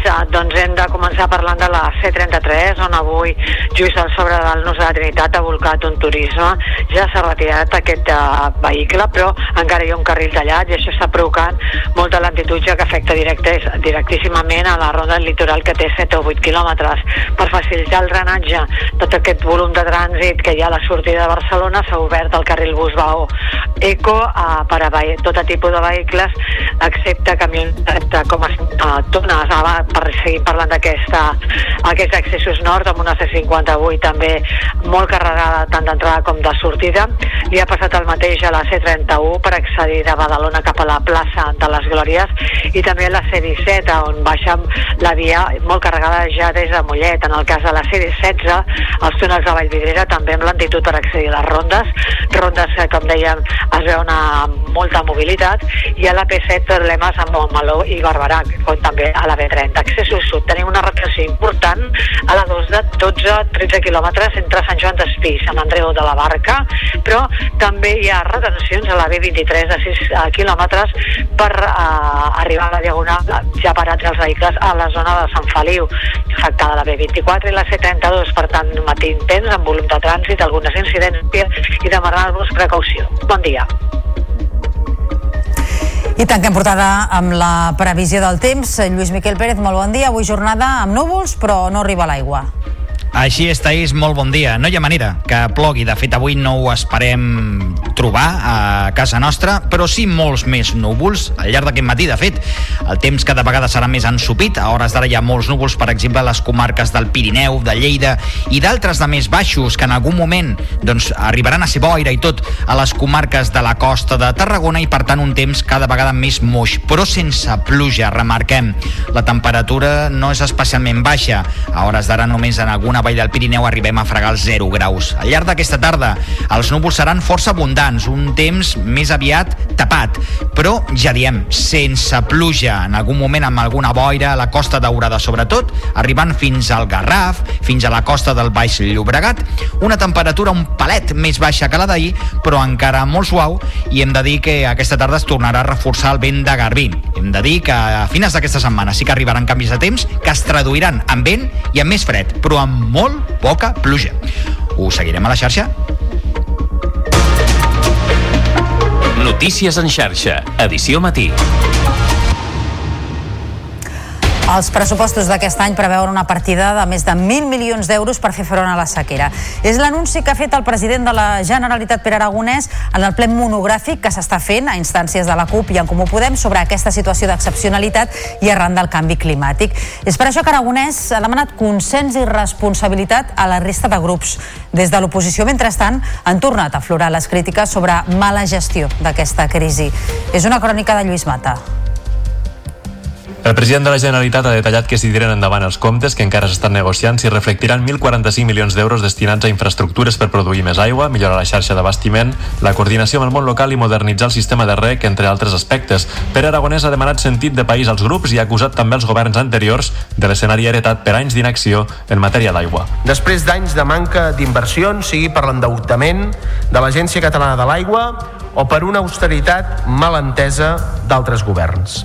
Avui, doncs, estem pagant les conseqüències també d'anys de sequera d'inversions. A tot això, el president del grup socialista i cap de l'oposició, Salvador Illa, ha culpat el govern de no haver preparat Catalunya davant l'emergència i li ha requerit flexibilitat per no perjudicar el teixit productiu. No pot ser una camisa de força, un pla que aprova el govern, no pot ser una camisa de força pel govern. Catalunya no ha de renunciar a generar prosperitat. I no pot permetre que en aquesta situació de sequera es destrueixi teixit productiu. Des de Junts per Catalunya, Albert Batet ha reclamat un lideratge del govern clar davant la crisi i Jessica Albiach d'en Comú Podem ha retret a Esquerra Republicana el seguidisme al PSC en macroprojectes com el Hard Rock o l'ampliació de l'aeroport del Prat. Què costaran aquests vaixells i com es pagaran? Això s'ha d'explicar. Davant d'un problema de país, calen solucions de país. No sé si em preocupen més els que ens acusen de religió climàtica o els que fan un discurs verd, es posen a la solapa un pin de l'agenda 2030, però després segueixen proposant el Hard Rock al Camp de Tarragona, ampliar l'aeroport del Prat Un cop registrades les propostes de resolució, es votaran al ple de demà. I a tot això el govern preveu aprovar els pressupostos de la Generalitat en els propers dies i no contempla que el Hard Rock sigui un escull per acordar-los amb el PSC. L'executiu, a més, nega que els comptes estiguin relacionats amb els de l'Ajuntament de Barcelona. Ens ho explica la Mont Carvajal. El govern s'ha mostrat optimista que els pressupostos s'aprovaran els propers dies. La portaveu Patricia Plaja els ha desvinculat dels de l'Ajuntament de Barcelona i ha assegurat que el projecte del Hard Rock no en serà cap impediment. No contemplem que el Hard Rock pugui ser un escull per tirar endavant eh, els pressupostos, perquè el govern té paraula, va aprovar els pressupostos l'any passat amb el suport dels grups que vostès ja coneixen, ha complert absolutament tots els compromisos als que es va anar a arribar per tal de, de poder tirar de poder arribar a aquest acord i, i no hi hauria cap motiu perquè no, no poguéssim repetir l'operació de pressupostos. Els socis de l'any passat van ser el PSC i els comuns, que suposen frontalment al Hard Rock. Ara bé, la portaveu ha afegit que la negociació amb Junts per Catalunya continua viva i també hi ha la possibilitat real d'arribar-hi a un acord on sí que s'ha visualitzat l'acord entre socialistes, republicans i comuns és a l'Ajuntament de Barcelona. El govern de Jaume Collboni ha pogut aprovar de forma inicial aquest dimarts el pressupost del consistori per al 2024 en una comissió d'economia extraordinària. Els comptes han sumat els vots a favor del PSC, Barcelona en Comú i Esquerra, mentre que Tries per Barcelona, el PP i Vox hi han votat en contra. Ens ho explica el Marc Garcia, de BTV.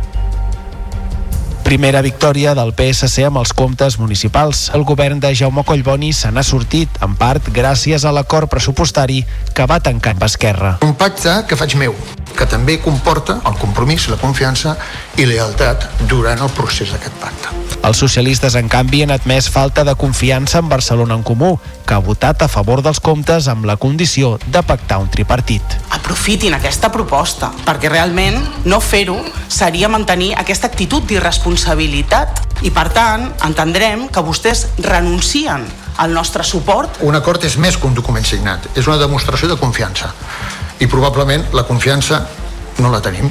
L'acord pressupostari del PSC i Esquerra ha molestat especialment Tries per Barcelona, que ha centrat les crítiques en els republicans. És clar que Esquerra Republicana té tot el dret a pactar amb qui vulgui. El que passa que això s'hauria de dir abans de les eleccions, perquè si no es comet frau electoral. El govern ha dit que compta amb Tries per a futurs acords, però el grup ha votat en contra del pressupost, com també el PP i Vox.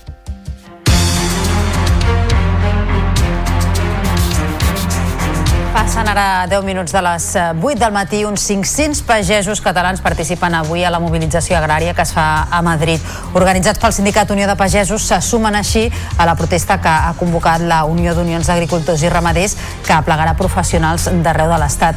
La manifestació començarà amb una concentració a la Puerta d'Alcalà a quarts d'onze per seguir en ruta fins a la seu del Ministeri d'Agricultura. Més detalls en la següent crònica de TAC 12. Unió de Pagesos s'afegeix a la protesta impulsada per la Unió d'Unions d'Agricultors i Ramaders i també s'ha mobilitzat per ser-hi. Des del sindicat es valora la necessitat d'ampliar la base de les mobilitzacions i traslladar-les també al govern estatal, que és qui pot legislar i promoure mesures àgils i contundents que garanteixin el futur del sector. Aquí a Catalunya es poden demanar unes coses, no? com el tema de les joves incorporacions, eh, ajut per la sequera, però per exemple tot el que és eh, la cadena alimentària el tema de burocràcia, tot això s'ha de demanar a Madrid. És ells que han de fer, que han de fer el pas per poder fer el canvi de, de totes aquestes lleis, no? La principal reivindicació del sector es fixa en el preu del mercat dels productes. Reclamen la modificació de la llei de la cadena alimentària per garantir un preu d'origen que estigui per sobre dels costos que tenen els productors i que sancioni la revenda a pèrdues. Les mobilitzacions de la pagesia no s'aturen a Madrid. Unió de Pagesos preveu una concentració als punts fronterers amb França i Andorra el proper 28 de febrer. Molts dels participants de Catalunya ja van sortir ahir amb vehicles particulars, altres ho fan avui amb tren i diversos tractors que viatgen amb gòndoles s'uniran a la columna de Segovia per seguir fins a Madrid. És el cas de la representació dels pagesos de Lleida, una delegació d'una trentena de persones que van marxar amb l'esperança que se'ls escoltin. De les seves reivindicacions, diuen, en depèn la supervivència del sector. I pel que fa al paquet de 18 mesures que va anunciar la setmana passada el ministre d'Agricultura Luis Planas, des de l'Associació Agrària de Joves Agricultors es desconfia de la seva aplicació i dubten que es compleixin les promeses fetes. Joan Gel, portaveu del sindicat, senyala l'accés de burocràcia com un dels principals problemes al sector. Al final, si tu tens que complir una sèrie de burocràcia molt estricta però tens un preu que t'ho compensa, tu et pots permetre portar endavant aquesta burocràcia. Uh, igualment, si aquesta burocràcia que ens exigeixen a nosaltres també arriba de, a tots els productes que ens arriben a nosaltres també l'han de complir, això també provoca que no tinguem competència deslleial. Al final, tot, tot, tot va lligat.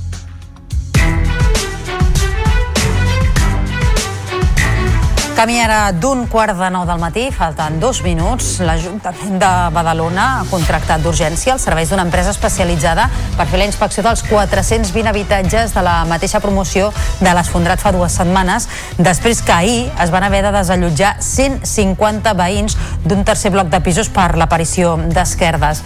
Tècnics municipals i de l'empresa tenen previst començar avui mateix les inspeccions i els primers blocs que s'analitzaran seran els dels números 7 i 11 del carrer Canigó, els adjacents adjacents a la finca número 9, que és la que es va esfondrar. L'alcalde de Badalona, Xavier García Albiol, ha assegurat que l'Ajuntament assumirà, si cal, les despeses d'aquestes actuacions.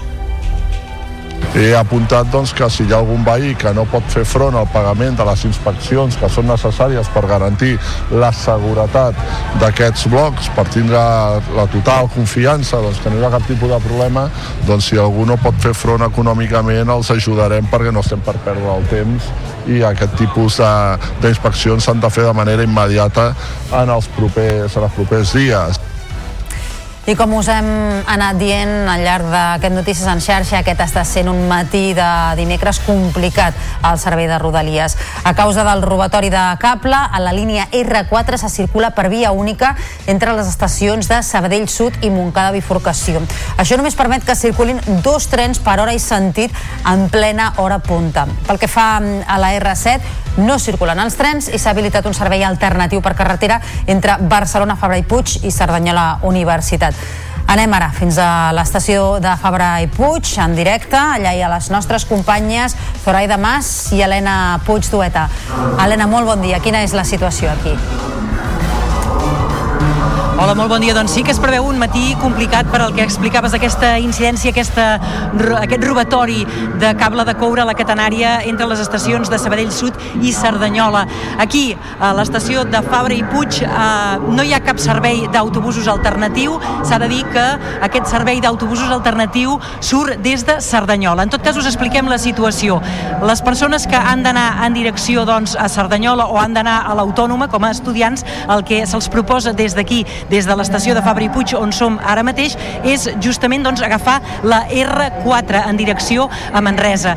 Aleshores, el que faran és portar-los fins a Cerdanyola, és una de les parades habitual d'aquesta línia R4, i allà sí, un cop arribats a Cerdanyola, hauran d'agafar, en tot cas, els autobusos per seguir les seves destinacions, per exemple, en el cas d'un estudiant cap a la autònoma. Per tant, allà sí que hi ha eh, habilitat un servei d'autobusos. Per tant, aquí el que hi ha és una mica de desinformació desinformació. És el que hem, ens hem trobat nosaltres quan hem arribat. Quan hem arribat al vestíbul ho hem preguntat a un guarda de seguretat i a una persona de la neteja de les mateixes instal·lacions que una mica feien de filtre i informaven a les persones que justament el que volien era anar doncs, cap a Cerdanyola, eh, que aquella R7 doncs, no funcionava i el que havien de fer és agafar la R4 que els portaria en la mateixa direcció i que un cop allà, aleshores sí, hi ha eh, habilitat un servei d'autobusos. Dèiem eh, això de la desinformació, tot i que és cert, val a dir-ho, que per megafonia s'informa i que les persones que ho volen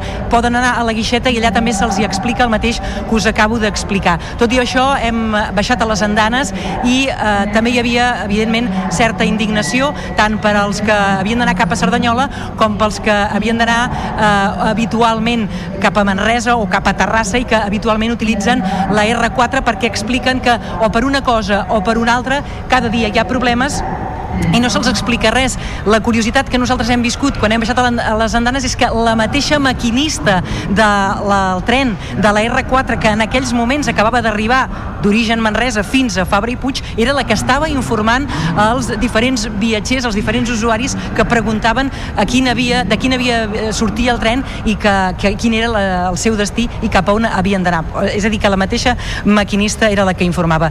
Dir-vos, doncs, que el que sí que hem descobert és que darrere on eh, ara mateix eh, hi ha la Zoraida, o davant meu, on estic aquí veient eh, el passeig Fabra i Puig, surt eh, diàriament i habitualment un eh, autobús eh, express eh, que va cap a Cerdanyola i un altre que va cap a Terrassa, però no es tracta d'un servei excepcional, sinó que és un servei habitual doncs, que eh, ja funciona. És eh, la, la companyia doncs, eh, Bus Express que ofereix eh, habitualment doncs, a les persones que ho desitgen aquest altre servei. Seria també una altra alternativa per a les persones que avui eh, haurien de tenir aquest destí i que en lloc d'utilitzar eh, el tren doncs, podrien eh, sortir aquí al passeig Fabra i Puig i agafar aquests autobusos. De moment és el que us podem dir. Eh, en principi aquí ja ho veieu en el vestíbul tranquil·litat i sempre pot haver-hi algun despistat que hagi de demanar informació eh, a un passavolant, eh, a un guarda de seguretat, a una dona de la neteja o anar a les guixetes directament perquè no hi ha ningú eh, que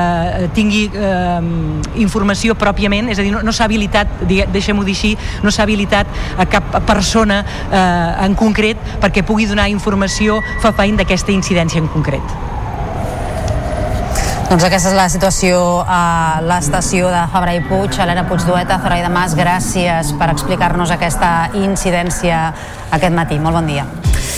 I aquest, de fet, és el segon robatori de coure aquesta setmana, després que dilluns l'R3 estigués sense servei durant 12 hores per un de similar. Una incidència, la de dilluns, que se sumava a la llarga llista després de la represa del servei entre Parets del Vallès i la Garriga i que ha portat al Departament de Territori a reclamar a DIF una reconfiguració del servei a l'R3 de Rodalies i que torni a posar busos alternatius. Ahir mateix es va produir una reunió telemàtica entre el govern, Adif, Renfe i 50 representants municipals afectats per l'R3. L'operadora va justificar les incidències per problemes d'assentament de la infraestructura i va advertir que fins al 4 de març no es podrà recuperar part de la normalitat a l'R3.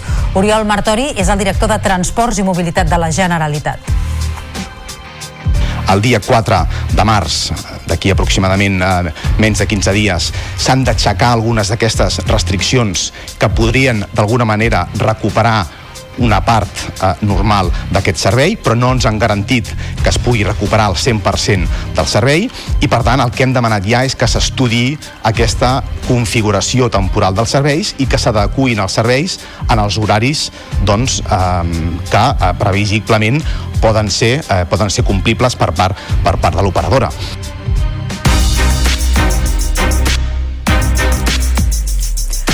La mesa del Congrés ha acordat amb el vot del PSOE de sumar una pròrroga de 15 dies per a la tramitació de la llei d'amnistia. L'objectiu és donar marge a Junts i al PSOE perquè assoleixin un acord que impedeixi que la llei quedi rebutjada de nou al ple.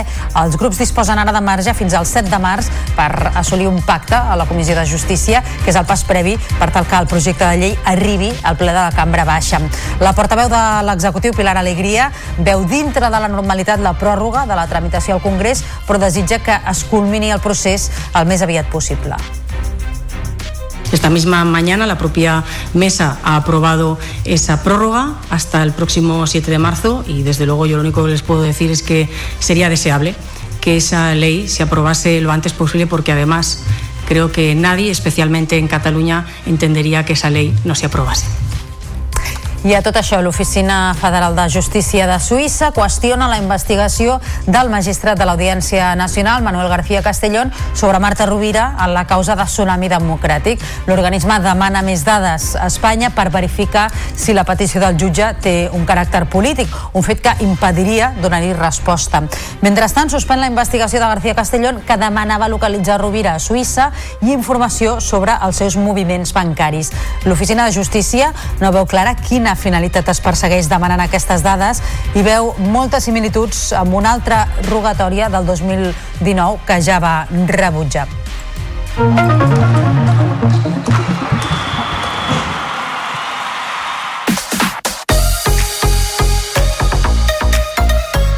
Després de tres temporades d'absència, el Barça torna aquesta nit als vuitens de final de la Champions. Visita el Nàpols a partir de les 9 en l'anada dels vuitens. Joao Fèlix i Sergi Roberto han entrat a la convocatòria ja recuperats de les seves lesions. La novetat a l'equip italià serà l'entrenador Francesco Calzone, que tot just ahir aterrava el Diego Armando Maradona per la destitució de Walter Mazzari. Amb tot, Xavi veu l'eliminatòria al 50%. Jo crec que està al 50%, no? Eh, som equips que d'alguna manera venim de guanyar, venim de guanyar la Lliga i ells els Scudetto, aquesta no està sent la millor temporada del Nàpols, la nostra està sent irregular, però bé, demà el que hem de mostrar és aquesta regularitat. La nostra filosofia, el nostre ADN no, no, no variarà. Anirem pel partit, pel partit, anirem a atacar, intentar defensar de la millor manera possible en pilota, però bé, és un rival que també busca pràcticament el mateix, no? La prèvia arriba tocada per l'estripada de Frenkie de Jong contra la premsa per les informacions sobre el seu futur. El neerlandès va aprofitar la seva presència a la sala de premsa per assegurar que s'estan publicant mentides sobre la seva situació contractual i la seva continuïtat al club. me estoy irritando un poco, estoy un poco cabreado incluso con lo que escribe vosotros, eh, la prensa en general, que salen muchas cosas que no son verdad. Estáis hablando mucho de mi contrato, de mi situación, que salario y tal, y también es mucho humo, mucho mentira. Es que estoy cobrando como 40 y tal, pero la verdad es que esto es muy lejos de lo que realmente cobro. I el Barça ha quedat eliminat de la Copa del Rei de Futbol Sala als quarts de final. Va deixar escapar la classificació per a la final a 4 en 30 segons fatídics al final del partit contra el Peníscola, en què va encaixar dos gols al darrer quan faltaven 3 dècimes per a que s'esgotés el temps. Abans els blaugranes s'havien avançat en dues ocasions amb els gols de Sergio González i un altre de Lozano, però el conjunt castellonenc no havia perdut el pols del partit. L'eliminació impedirà que els de Velasco revalidin el títol aconseguit al curs passat. I aquesta nit es disputen dos partits pendents de la Parlem Hoquei Lliga d'Hoquei Patins. Destaca el Voltregà Noia. Els usonencs cinquens reben la visita dels penedesencs segons classificats amb l'objectiu de tornar a convertir l'Oliveires de la Riba en un fortí. El nou TV, Natàlia Peix. Els de Lluís Teixidor volen mantenir la bona dinàmica amb tres victòries seguides en les tres últimes jornades posteriors al dur correctiu que va rebre l'equip al Palau Blaugrana a mitjans de gener on va perdre 13-1. L'entrenador confia en la fortalesa que el Voltregà està demostrant a casa. el pavelló que, que més assistència té, que ara mateix pues, la, la gent empeny més setmanalment, no només en partits esporàdics, sinó que, que sempre tenim aquest suport i els jugadors eh, ho agraeixen. No? La veritat que a casa tot i alguna ensopegada que potser no, no ens esperàvem, hem set uh, un, molt fiables i, i hòstia, una pista super complicada de puntuar. El Voltregà i el Noia els separen actualment 5 punts a la classificació. El segon d'aquests partits pendents és el Reus Igualada, que es disputarà aquesta nit al Palau d'Esports. Els de Jordi Garcia venen de puntuar en la difícil pista del Noia i volen continuar allargant la bona dinàmica dels darrers partits. Ara mateix, amb dos conjunts, estan empatats a la classificació i una victòria també faria que els reusencs s'embutxaquessin l'averaix particular amb els de Marc Montaner.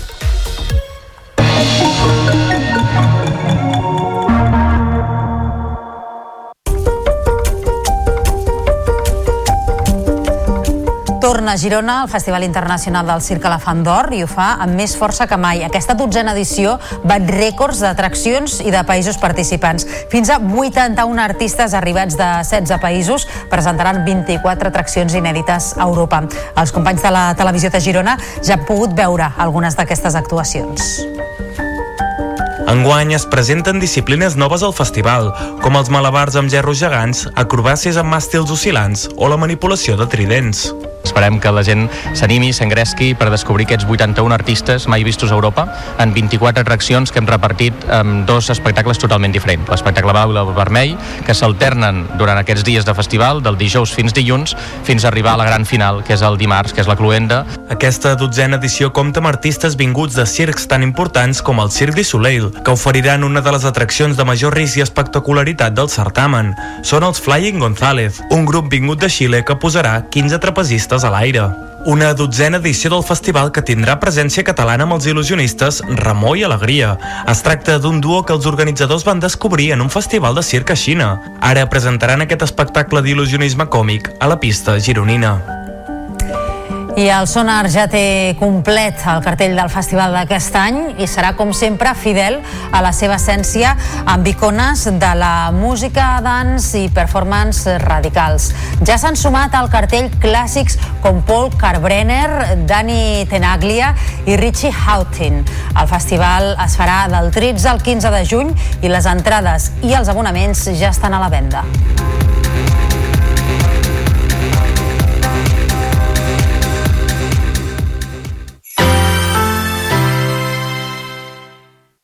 La xarxa de comunicació local.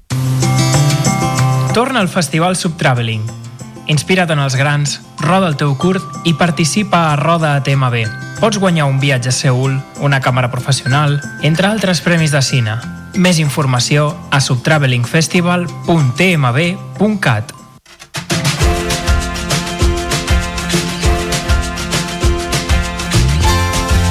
Viatges quilòmetre zero, amb l'escriptora Núria Esponellà. Camins de Farigola i Tila.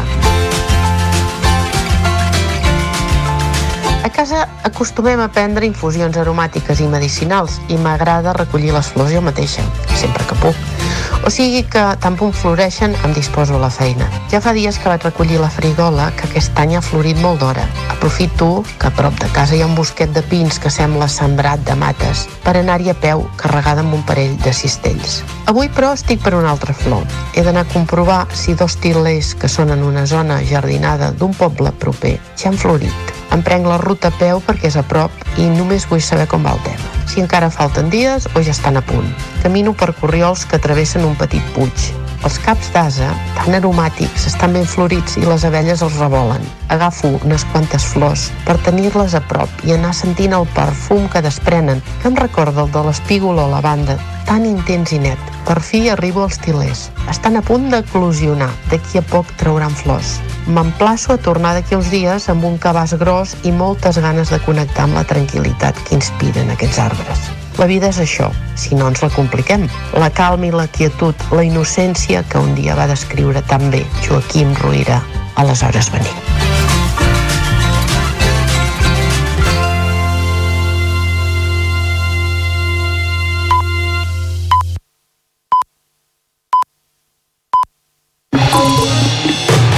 Notícies en xarxa, edició matí. Amb Taís Trujillo.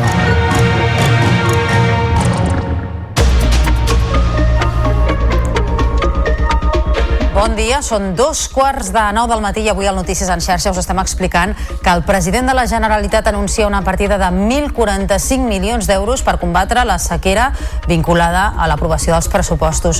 Durant el ple monogràfic sobre l'emergència climàtica al Parlament, Pere Aragonès ha detallat que aquests diners es destinaran a infraestructures per produir més aigua regenerada, a la modernització de recs i a millorar la coordinació amb el món local. Junts per Catalunya, Esquerra Republicana i el PSC s'han llançat retrets creuats sobre la gestió dels recursos hídrics per manca d'inversions dels successius governs. I aquest matí estem molt pendents de l'R4 i l'R7 de Rodalies Renfe, que registren aquest dimecres al matí noves afectacions en la circulació per un nou robatori de cable de coure de la catenària. Aquest cop la sostracció s'ha produït entre Sabadell Sud i Cerdanyola, segons que han informat Renfe i Adif. I l'atenció d'aquest dimecres també se situa a Madrid, on centenars de pagesos catalans se sumen a la gran mobilització del sector. Exigiran al Ministeri mesures contra la crisi de preus, els abusos de la cadena alimentària i la competència deslleial en les importacions. Les protestes continuaran la setmana que ve a Catalunya. I després de tres temporades d'absència, el Barça torna als vuitens de final de la Lliga de Campions amb el partit d'anada al camp del Nàpols. Davant tindrà un conjunt italià que estrenarà entrenador, Francesco Calzona. La prèvia arriba tocada per l'estripada de Frenkie de Jong contra la premsa per les informacions sobre el seu futur. I en Cultura demà arrenca la dotzena edició del Festival Internacional del Circ Elefant d'Or de Girona. Més d'una vintena d'artistes de 16 països presentaran espectacles inèdits a Europa. Entre altres reclams s'hi batrà el rècord de trapezistes en una mateixa atracció.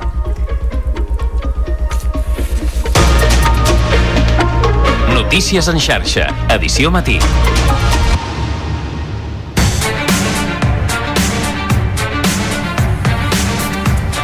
I com us dèiem en titulars, aquest està sent un matí complicat pels usuaris de Rodalies. Un nou robatori de cable està afectant les línies R7 i R4. Se circula per via única entre Sabadell Sud i Montcada Bifurcació a l'R4 i és una restricció que només permet que circulin dos trens per hora i sentit a l'R7. El tram entre Cerdanyola Universitat i Cerdanyola es fa per carretera, mentre que entre aquesta última parada i Fabra i Puig els viatgers poden agafar els trens de la línia R4. En volem parlar d'aquesta incidència amb el portaveu de Renfe a Catalunya, el senyor Antonio Carmona. Senyor Carmona, molt bon dia. Hola, bon dia. Quines són les afectacions eh, a aquesta hora, quan passen 3 minuts de dos quarts de nou del matí, per tant, hora punta en la circulació ferroviària? Pues més o menys com, com comentaves, aquest robatori de, de coure obliga a circular en via única entre Sabadell Sud i Montcada i Porcació i el que hem fet és reprogramar el servei de la R4 en lloc de donar l'oferta habitual, s'ha reduït a dos trens per hora i, i sentit. D'aquesta manera ens adaptem a la limitació o la restricció de capacitat que ha comportat aquest robatori de, de coure. Si intentéssim ficar tots els trens que haurien de, de circular, els retards serien eh, exponencials. Ens la idea, és com si una, l'AP7 de tres carrils es passés a un a les 7 de la tarda d'un divendres. I aquesta reducció a dos trens per hora i sentit, què representa respecte al que seria el trànsit normal a què estaria en aquesta línia? La meitat de l'oferta. Els viatges de la, de la R7 el que hem fet és com que van a contraflux a sortida de Barcelona, els encaminem en trens de la R4 fins a Cerdanyola i des d'allà servei alternatiu per carretera fins a la universitat. Uh -huh. Està provocant això molta congestió i concentració d'usuaris? el moment que tens eh, menys, menys oferta comporta que, que els trens vagin més plens del que és habitual. Mhm. De quina manera s'està informant a la ciutadania sobre aquests eh, problemes? Perquè fa una estona connectàvem amb les nostres companyes que estaven a l'estació de Fabra i Puig. Deien que eh, la gent anava preguntant al personal de neteja, altres passatgers, perquè no hi havia eh, cap informació al respecte. Des de, des de l'inici de, del servei s'ha informat a, tra a través de tots els canals, megafonia de trens i estacions, um, xarxes socials, en la web de, de Rodalies, a través vostra, i us agraïm la, la informació del servei que esteu donant als nostres uh, viatgers i en esforç és, mm, no podem eh, evitar aquesta afectació perquè s'ha produït aquest robatori de, de coure i que sí que estem fent és eh, informar als, als viatgers de la, de la situació. Uh -huh. Senyor Carmona, quan es preveu que es pugui recuperar la normalitat en la circulació de totes dues línies, la R4 i la R7? Estan els tècnics de DIF treballant a la zona uh, afectada, reposant aquest robatori de, de cable de catenària i, i d'estar de prendre d'aquests tècnics quan es puguin donar uh, via. Uh -huh. Doncs eh, Antonio Carmona, responsable portaveu de Renfe Catalunya, moltíssimes gràcies per haver-nos atès aquest matí al Notícies en xarxa per parlar-nos d'aquestes incidències. Molt bon dia. Bon dia. I parlem ara d'altres qüestions de l'actualitat, perquè com us comentàvem a la portada d'aquest Notícies en xarxa, els pressupostos d'aquest any preveuen una partida de més de 1.000 milions d'euros per fer front a la sequera.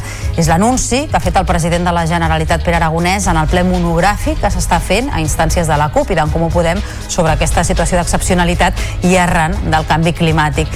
És per això que Aragonès ha demanat consens i responsabilitat a la resta de grups. Des de l'oposició, mentrestant, ha tornat a aflorar les crítiques sobre la mala gestió d'aquesta crisi. Ens ho explica en la següent crònica el nostre company Lluís Mata. El president de la Generalitat ha detallat que si tiren endavant els comptes que encara s'estan negociant s'hi reflectiran 1.045 milions d'euros destinats a infraestructures per produir més aigua, millorar la xarxa d'abastiment, la coordinació amb el món local i modernitzar el sistema de rec, entre altres aspectes. Pere Aragonès ha demanat sentit de país als grups i ha acusat també els governs anteriors de l'escenari heretat per anys d'inacció en matèria d'aigua. Després d'anys de manca d'inversions, sigui per l'endeutament de l'Agència Catalana de l'Aigua o per una austeritat mal entesa d'altres governs.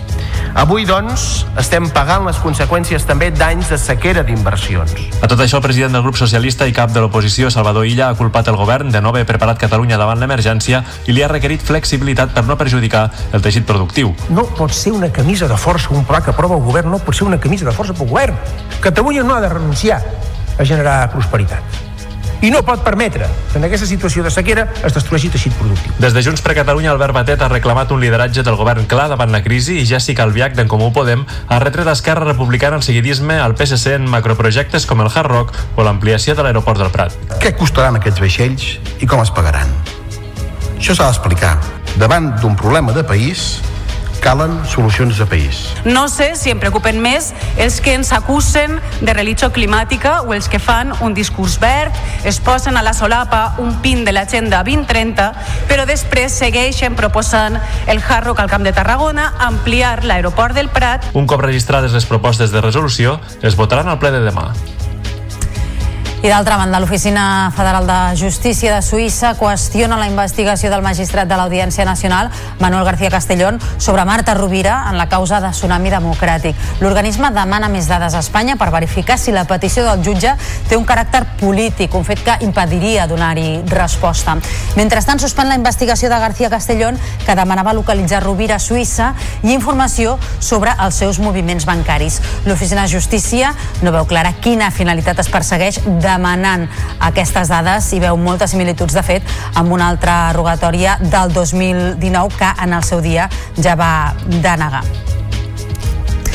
I 800 persones es van concentrar ahir davant el consulat britànic a Barcelona per reclamar la llibertat del periodista Julian Assange, que s'enfronta avui a una vista a Anglaterra sobre la seva extradició als Estats Units. Allà, recordem, s'arrisca a una llarga condemna per espionatge.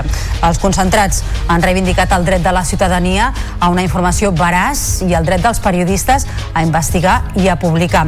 Sobre aquest debat, el dels límits del periodisme a l'hora de publicar secrets d'estat, en volem parlar ara amb Enric Marín, que és degà de la Facultat de Ciències de la Comunicació de la UAB. Senyor Marín, molt bon dia. Què és el que ha posat de manifest aquest eh, cas, que ja fa 14 anys que s'arrossega sobre la llibertat de premsa i d'informació? Aquest és un cas que té una importància molt gran, molt gran, perquè estan en joc aquí principis fonamentals de la cultura democràtica. I, de fet, és paradoxal que el conflicte es produeixi justament entre un periodista i els Estats Units perquè eh, justament eh, va ser en el cas de la proclamació de la independència dels Estats Units i que es va fer en unes condicions que era una revolució republicana i, i, i independentista respecte a Gran Bretanya i justament l'any 1791 es va aprovar la primera esmena de la Constitució que és la que consagra el principi de llibertat d'expressió. Eh, va ser una esmena eh, impulsada per Thomas Jefferson que era un dels, eh, dels eh, fundadors eh, de, de la República i que eh, el, eh, era del sector progressista i que Jefferson eh, defensava que era preferent una premsa forta a un govern fort. Doncs és paradoxal eh, que en més de dos segles, dos segles eh, gairebé i mig més tard, el que estigui en joc justament és aquest principi, el principi de la primera esmena a la Constitució nord-americana.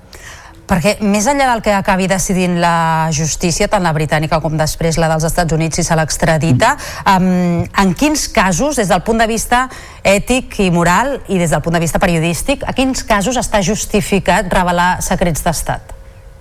Home, aviam, és que el, els secrets d'estat eh, poden tenir moltes, eh, moltes versions, a dir, eh, hi pot haver un secret d'estat que eh, senzillament garanteixi la seguretat de la població, la defensa de les llibertats.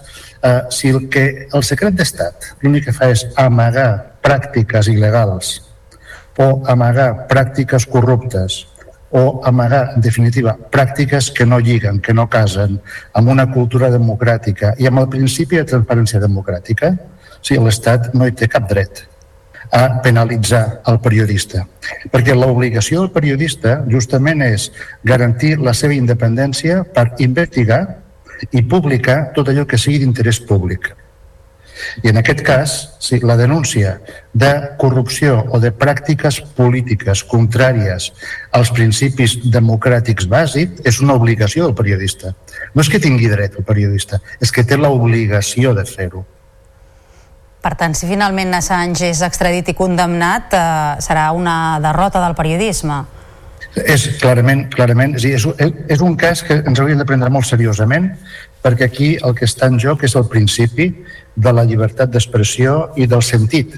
Hem, hem de pensar, jo crec que no, no, no, no ho repetim prou això, eh?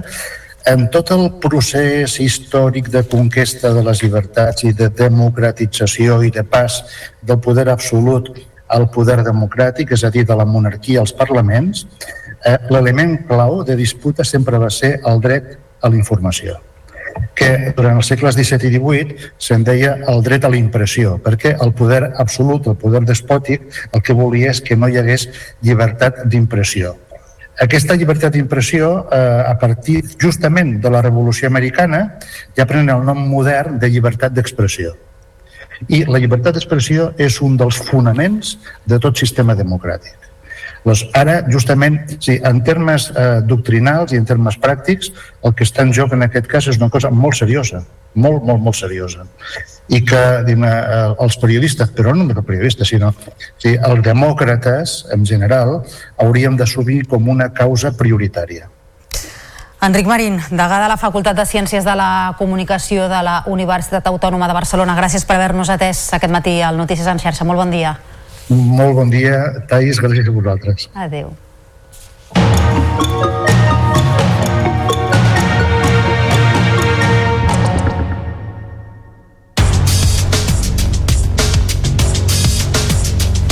Uns 500 pagesos catalans participen avui a la mobilització agrària que es fa a Madrid. Organitzats pel Sindicat Unió de Pagesos, se sumen així a la protesta que ha convocat la Unió d'Unions d'Agricultors i Ramaders que aplegarà professionals d'arreu de l'Estat. Aquesta manifestació començarà amb una concentració a la Porta d'Alcalà a quarts d'onze per seguir en ruta fins a la seu del Ministeri d'Agricultura. Pel que fa al paquet de 18 mesures que va anunciar la setmana passada el ministre d'Agricultura, Luis Planes, des de l'Associació Agrària de Joves Agricultors es desconfia de la seva aplicació i dubten que es compleixin les promeses fetes. En declaracions aquest matí al Notícies en xarxa, Joan Gel, portaveu del sindicat, senyala l'accés de burocràcia com un dels principals problemes del sector. Al final, si tu tens que complir una sèrie de burocràcia molt estricta, però tens un preu que t'ho compensa, tu et pots permetre portar endavant aquesta burocràcia. Uh, igualment, si aquesta burocràcia que ens exigeixen a nosaltres també arriba de, a tots els productes que ens arriben a nosaltres també l'han de complir. Això també provoca que no tinguem competència deslleial al final tot, tot, tot va lligat aquesta tarda, estudiants i professors eh, protestaran a la capital catalana per demostrar el seu rebuig als canvis en la formació professional que impulsa el Consorci de Barcelona de cara a l'any vinent. El Consorci, en aplicació del Pla d'FP 2030, té previst reconvertir tres instituts en centres exclusius de formació professional especialitzats en diferents branques. Són uns canvis que no han agradat als centres afectats. En parlem amb Miqui Mercadal, que és membre d'USTEC i professor de l'Institut Vall d'Hebron. Senyor Mercadal, molt bon dia. Molt bon dia. El seu institut, a Vall d'Hebron, és un dels afectats per aquests canvis. Expliqui'ns què és el que vol fer el Consorci de cara al curs que ve, el 24-25. Sí, de cara al curs vinent es fa un moviment molt gran que afecta tres instituts del Consorci i un del Barcelonès, un de Santa Coloma. Parlem de l'Institut Vall d'Hebron, l'Institut La Guinaueta, l'Institut Picasso i l'Institut La Bastida.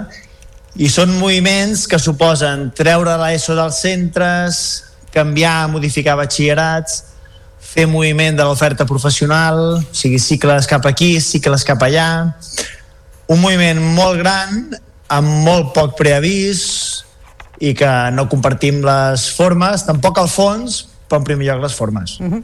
Les formes per aquesta pressa, per, per aquesta manca de diàleg i de consens amb la comunitat educativa, no? Però pel que fa al fons, aquesta creació de centres especialitzats, per exemple, el del cas de la Vall d'Hebron, no? el que ens ocupa, que es convertirà en un centre de formació per persones de l'àmbit sanitari i que crearan sinergies amb l'Hospital de la Vall d'Hebron, que està a pocs metres de distància. Per què és negatiu aquest canvi en si, més enllà de la, de la pressa?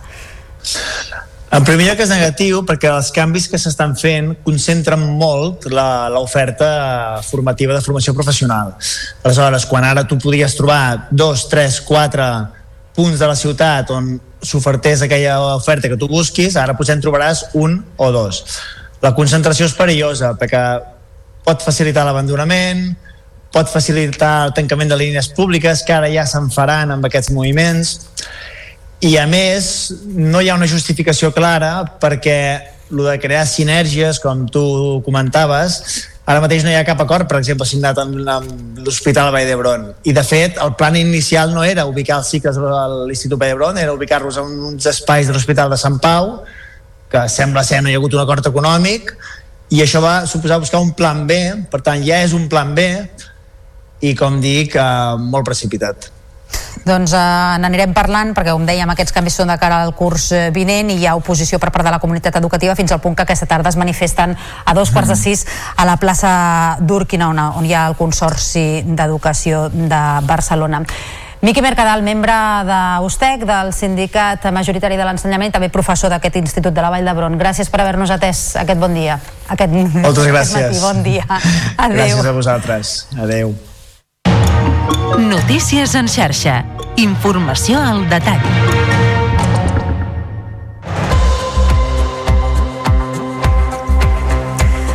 Falten ara 12 minuts perquè siguin les 9 eh, en punt del matí. Us hem anat explicant al llarg d'aquesta edició del Notícies en xarxa que aquest eh, de dimecres està sent un matí complicat al servei de Rodalies. A causa de robatori de cable a la línia R4 se circula a aquesta hora per via única entre les estacions de Sabadell Sud i Montcada Bifurcació. Això només permet que circulin dos trens per hora i sentit en plena hora punta, la meitat del que seria habitual. Pel que fa a la R7, no circulen trens entre les estacions de Barcelona, Fabra i Puig i Cerdanyola Universitat. Anem fins a l'estació de Fabra i Puig, allà hi tenim les nostres companyes, la Zoraida Mas i l'Helena Puig Dueta, per veure quina és la situació a aquesta hora. Helena, molt bon dia de nou. Hola, bon dia. Hores d'ara, doncs, tranquil·litat perquè no torna a venir cap tren de la R4 eh, des d'origen Manresa fins aquí, fins a Fabra i Puig, fins a les 9 i 5. Si més no, en el cartell d'avís és el que posa a les 9 i 5 ha d'arribar un d'aquests trens procedent del Vallès. Dèiem que tranquil·litat eh, fins fa poca estona perquè eh, un dels trens dels dos que circulen en sentit i hora acaba d'arribar fa poca estona i el que hem vist és molta pressa i molta corredissa. Eh, aclarim una mica la història. Com deies, la R7 des d'aquí eh, no es poden circular, per tant, l'alternativa que s'ofereix és agafar la R4 fins a Cerdanyola, parar a Cerdanyola i allà sí que hi ha doncs, aquest servei alternatiu d'autobusos. Però és que la R4 tampoc és cap solució definitiva ni màgica, perquè recordem-ho, només circulen, insisteixo, dos trens per hora i sentit. Per tant, la gent arriba tard, sí o sí, avui. I ens ho deien, estan indignats i resignats. Moltes presses, moltes corredisses i gairebé molt pocs els que volien parlar amb nosaltres. Els que ho han fet ens han explicat això. He pujat jo a Sabadell Centre, eh, hi havia moltíssima gent, ell ha pujat abans a Manresa també, o sigui, jo m'he entrat que anava amb retras, però o sigui, després, quan anava eh, la gent, molta gent, eh, pujava més gent que la baixava i ja era un caos, era un caos. Érem sardines allà dins, però bueno, és el que hi ha sempre a la Renfe, no podem esperar una altra cosa. Ja, si som usuals, la Renfe sabem el que hi ha. Resignats seria la paraula. La paraula resignats. Jo vinc de fora, l'autobús no n'hi ha autobús, portem dos dies també sense autobusos, ara agafem el tren, el tren no funciona, no puc arribar a treballar, m'estan esperant, cada dia és igual. Eh, saps a l'hora que surts de casa, però és que no saps mai a quina hora arribaràs. Pendents, doncs, d'aquest nou matí caòtic a Rodalies a l'espera que els tècnics de DIF resolguin la situació el més aviat possible.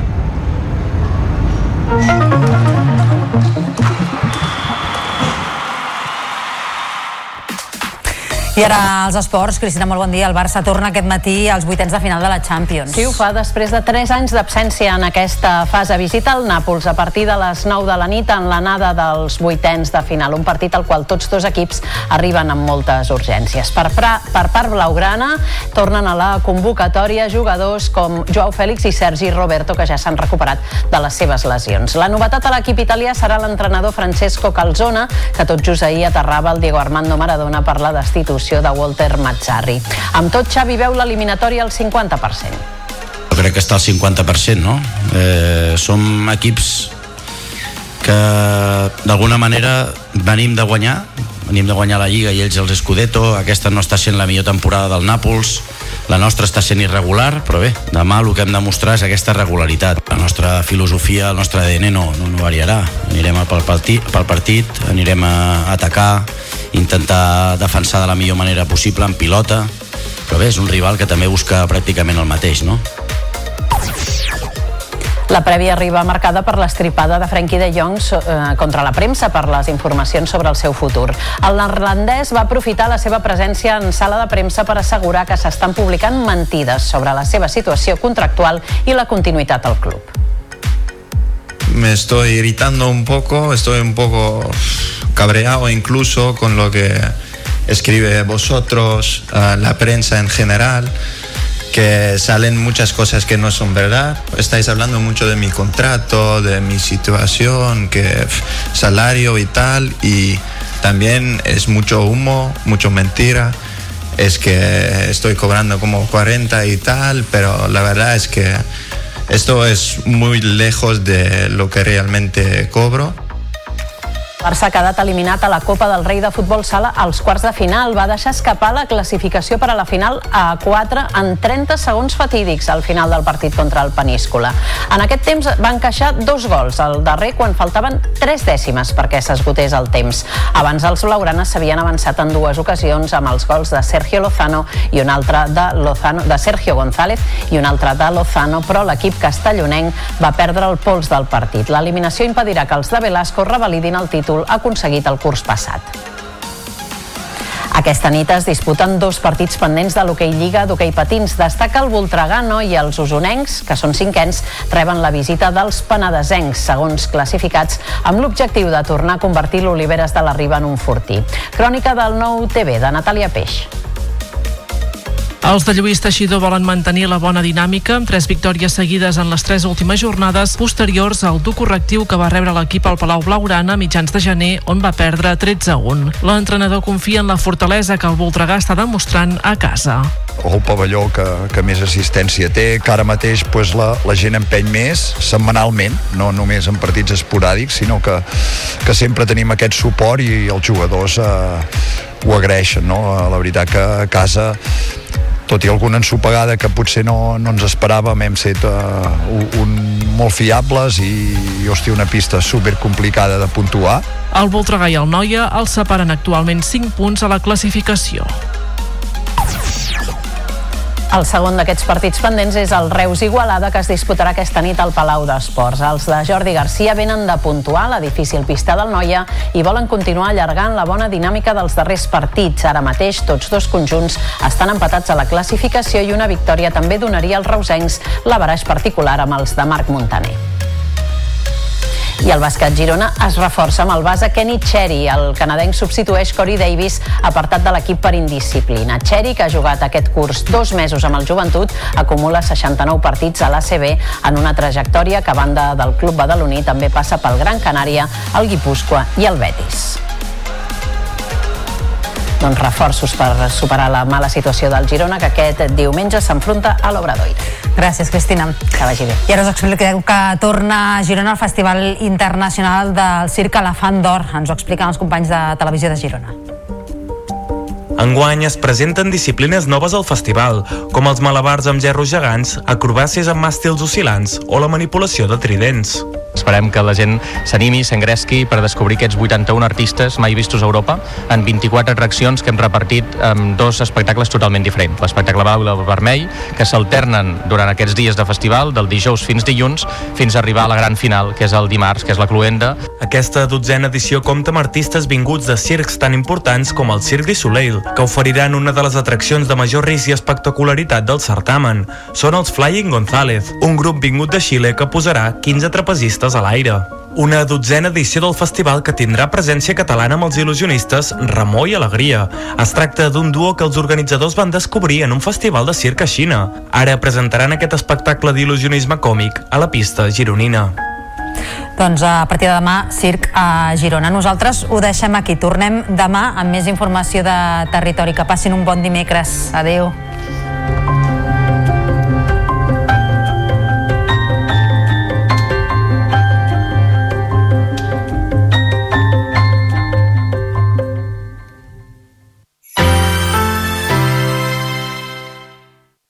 La xarxa de comunicació local.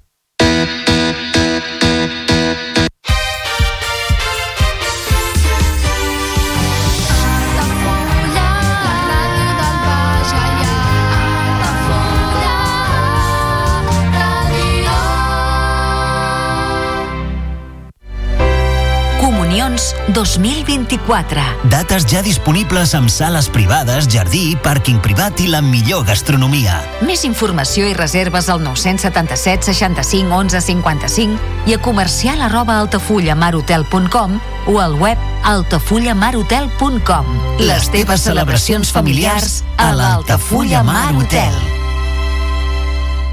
Ja coneixes les propostes que t'ofereix el Club Marítim Altafulla? Vine i descobreix totes les nostres activitats. Sortides en caiac o pa del surf, cursos de vela per a totes les edats. No t'ho perdis. Club Marítim Altafulla. Obert tot l'any i per a tothom. Carrer Major, el programa de les emissores del Camp de Tarragona. Cada dia de 4 a 6 de la tarda, el que passa al Camp de Tarragona t'ho expliquem amb la major redacció d'un programa de territori quilòmetre zero. Periodisme de proximitat, continguts de qualitat, amb Anna Plaza i Toni Mateos. Carrer Major. Al meu país la pluja no sap ploure.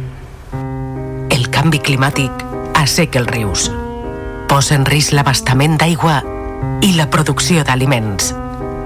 Treballem per fer front a la sequera i garantir l'aigua, però cal l'esforç de tothom. Cada gota compte. La pluja no la controles, l'aixeta sí. Generalitat de Catalunya, sempre endavant.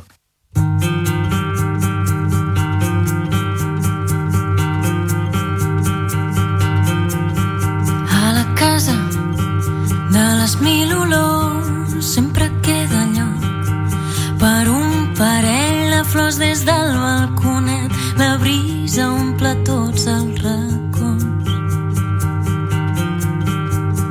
Bandes sonores per cada moment la taula rodona ben plena de gent i xiscles de nens i cicles de cinema francès.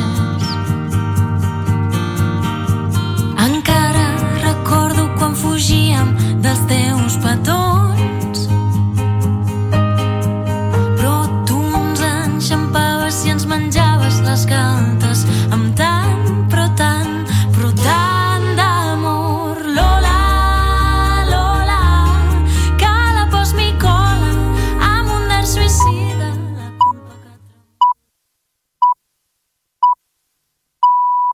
Són les 9 del matí.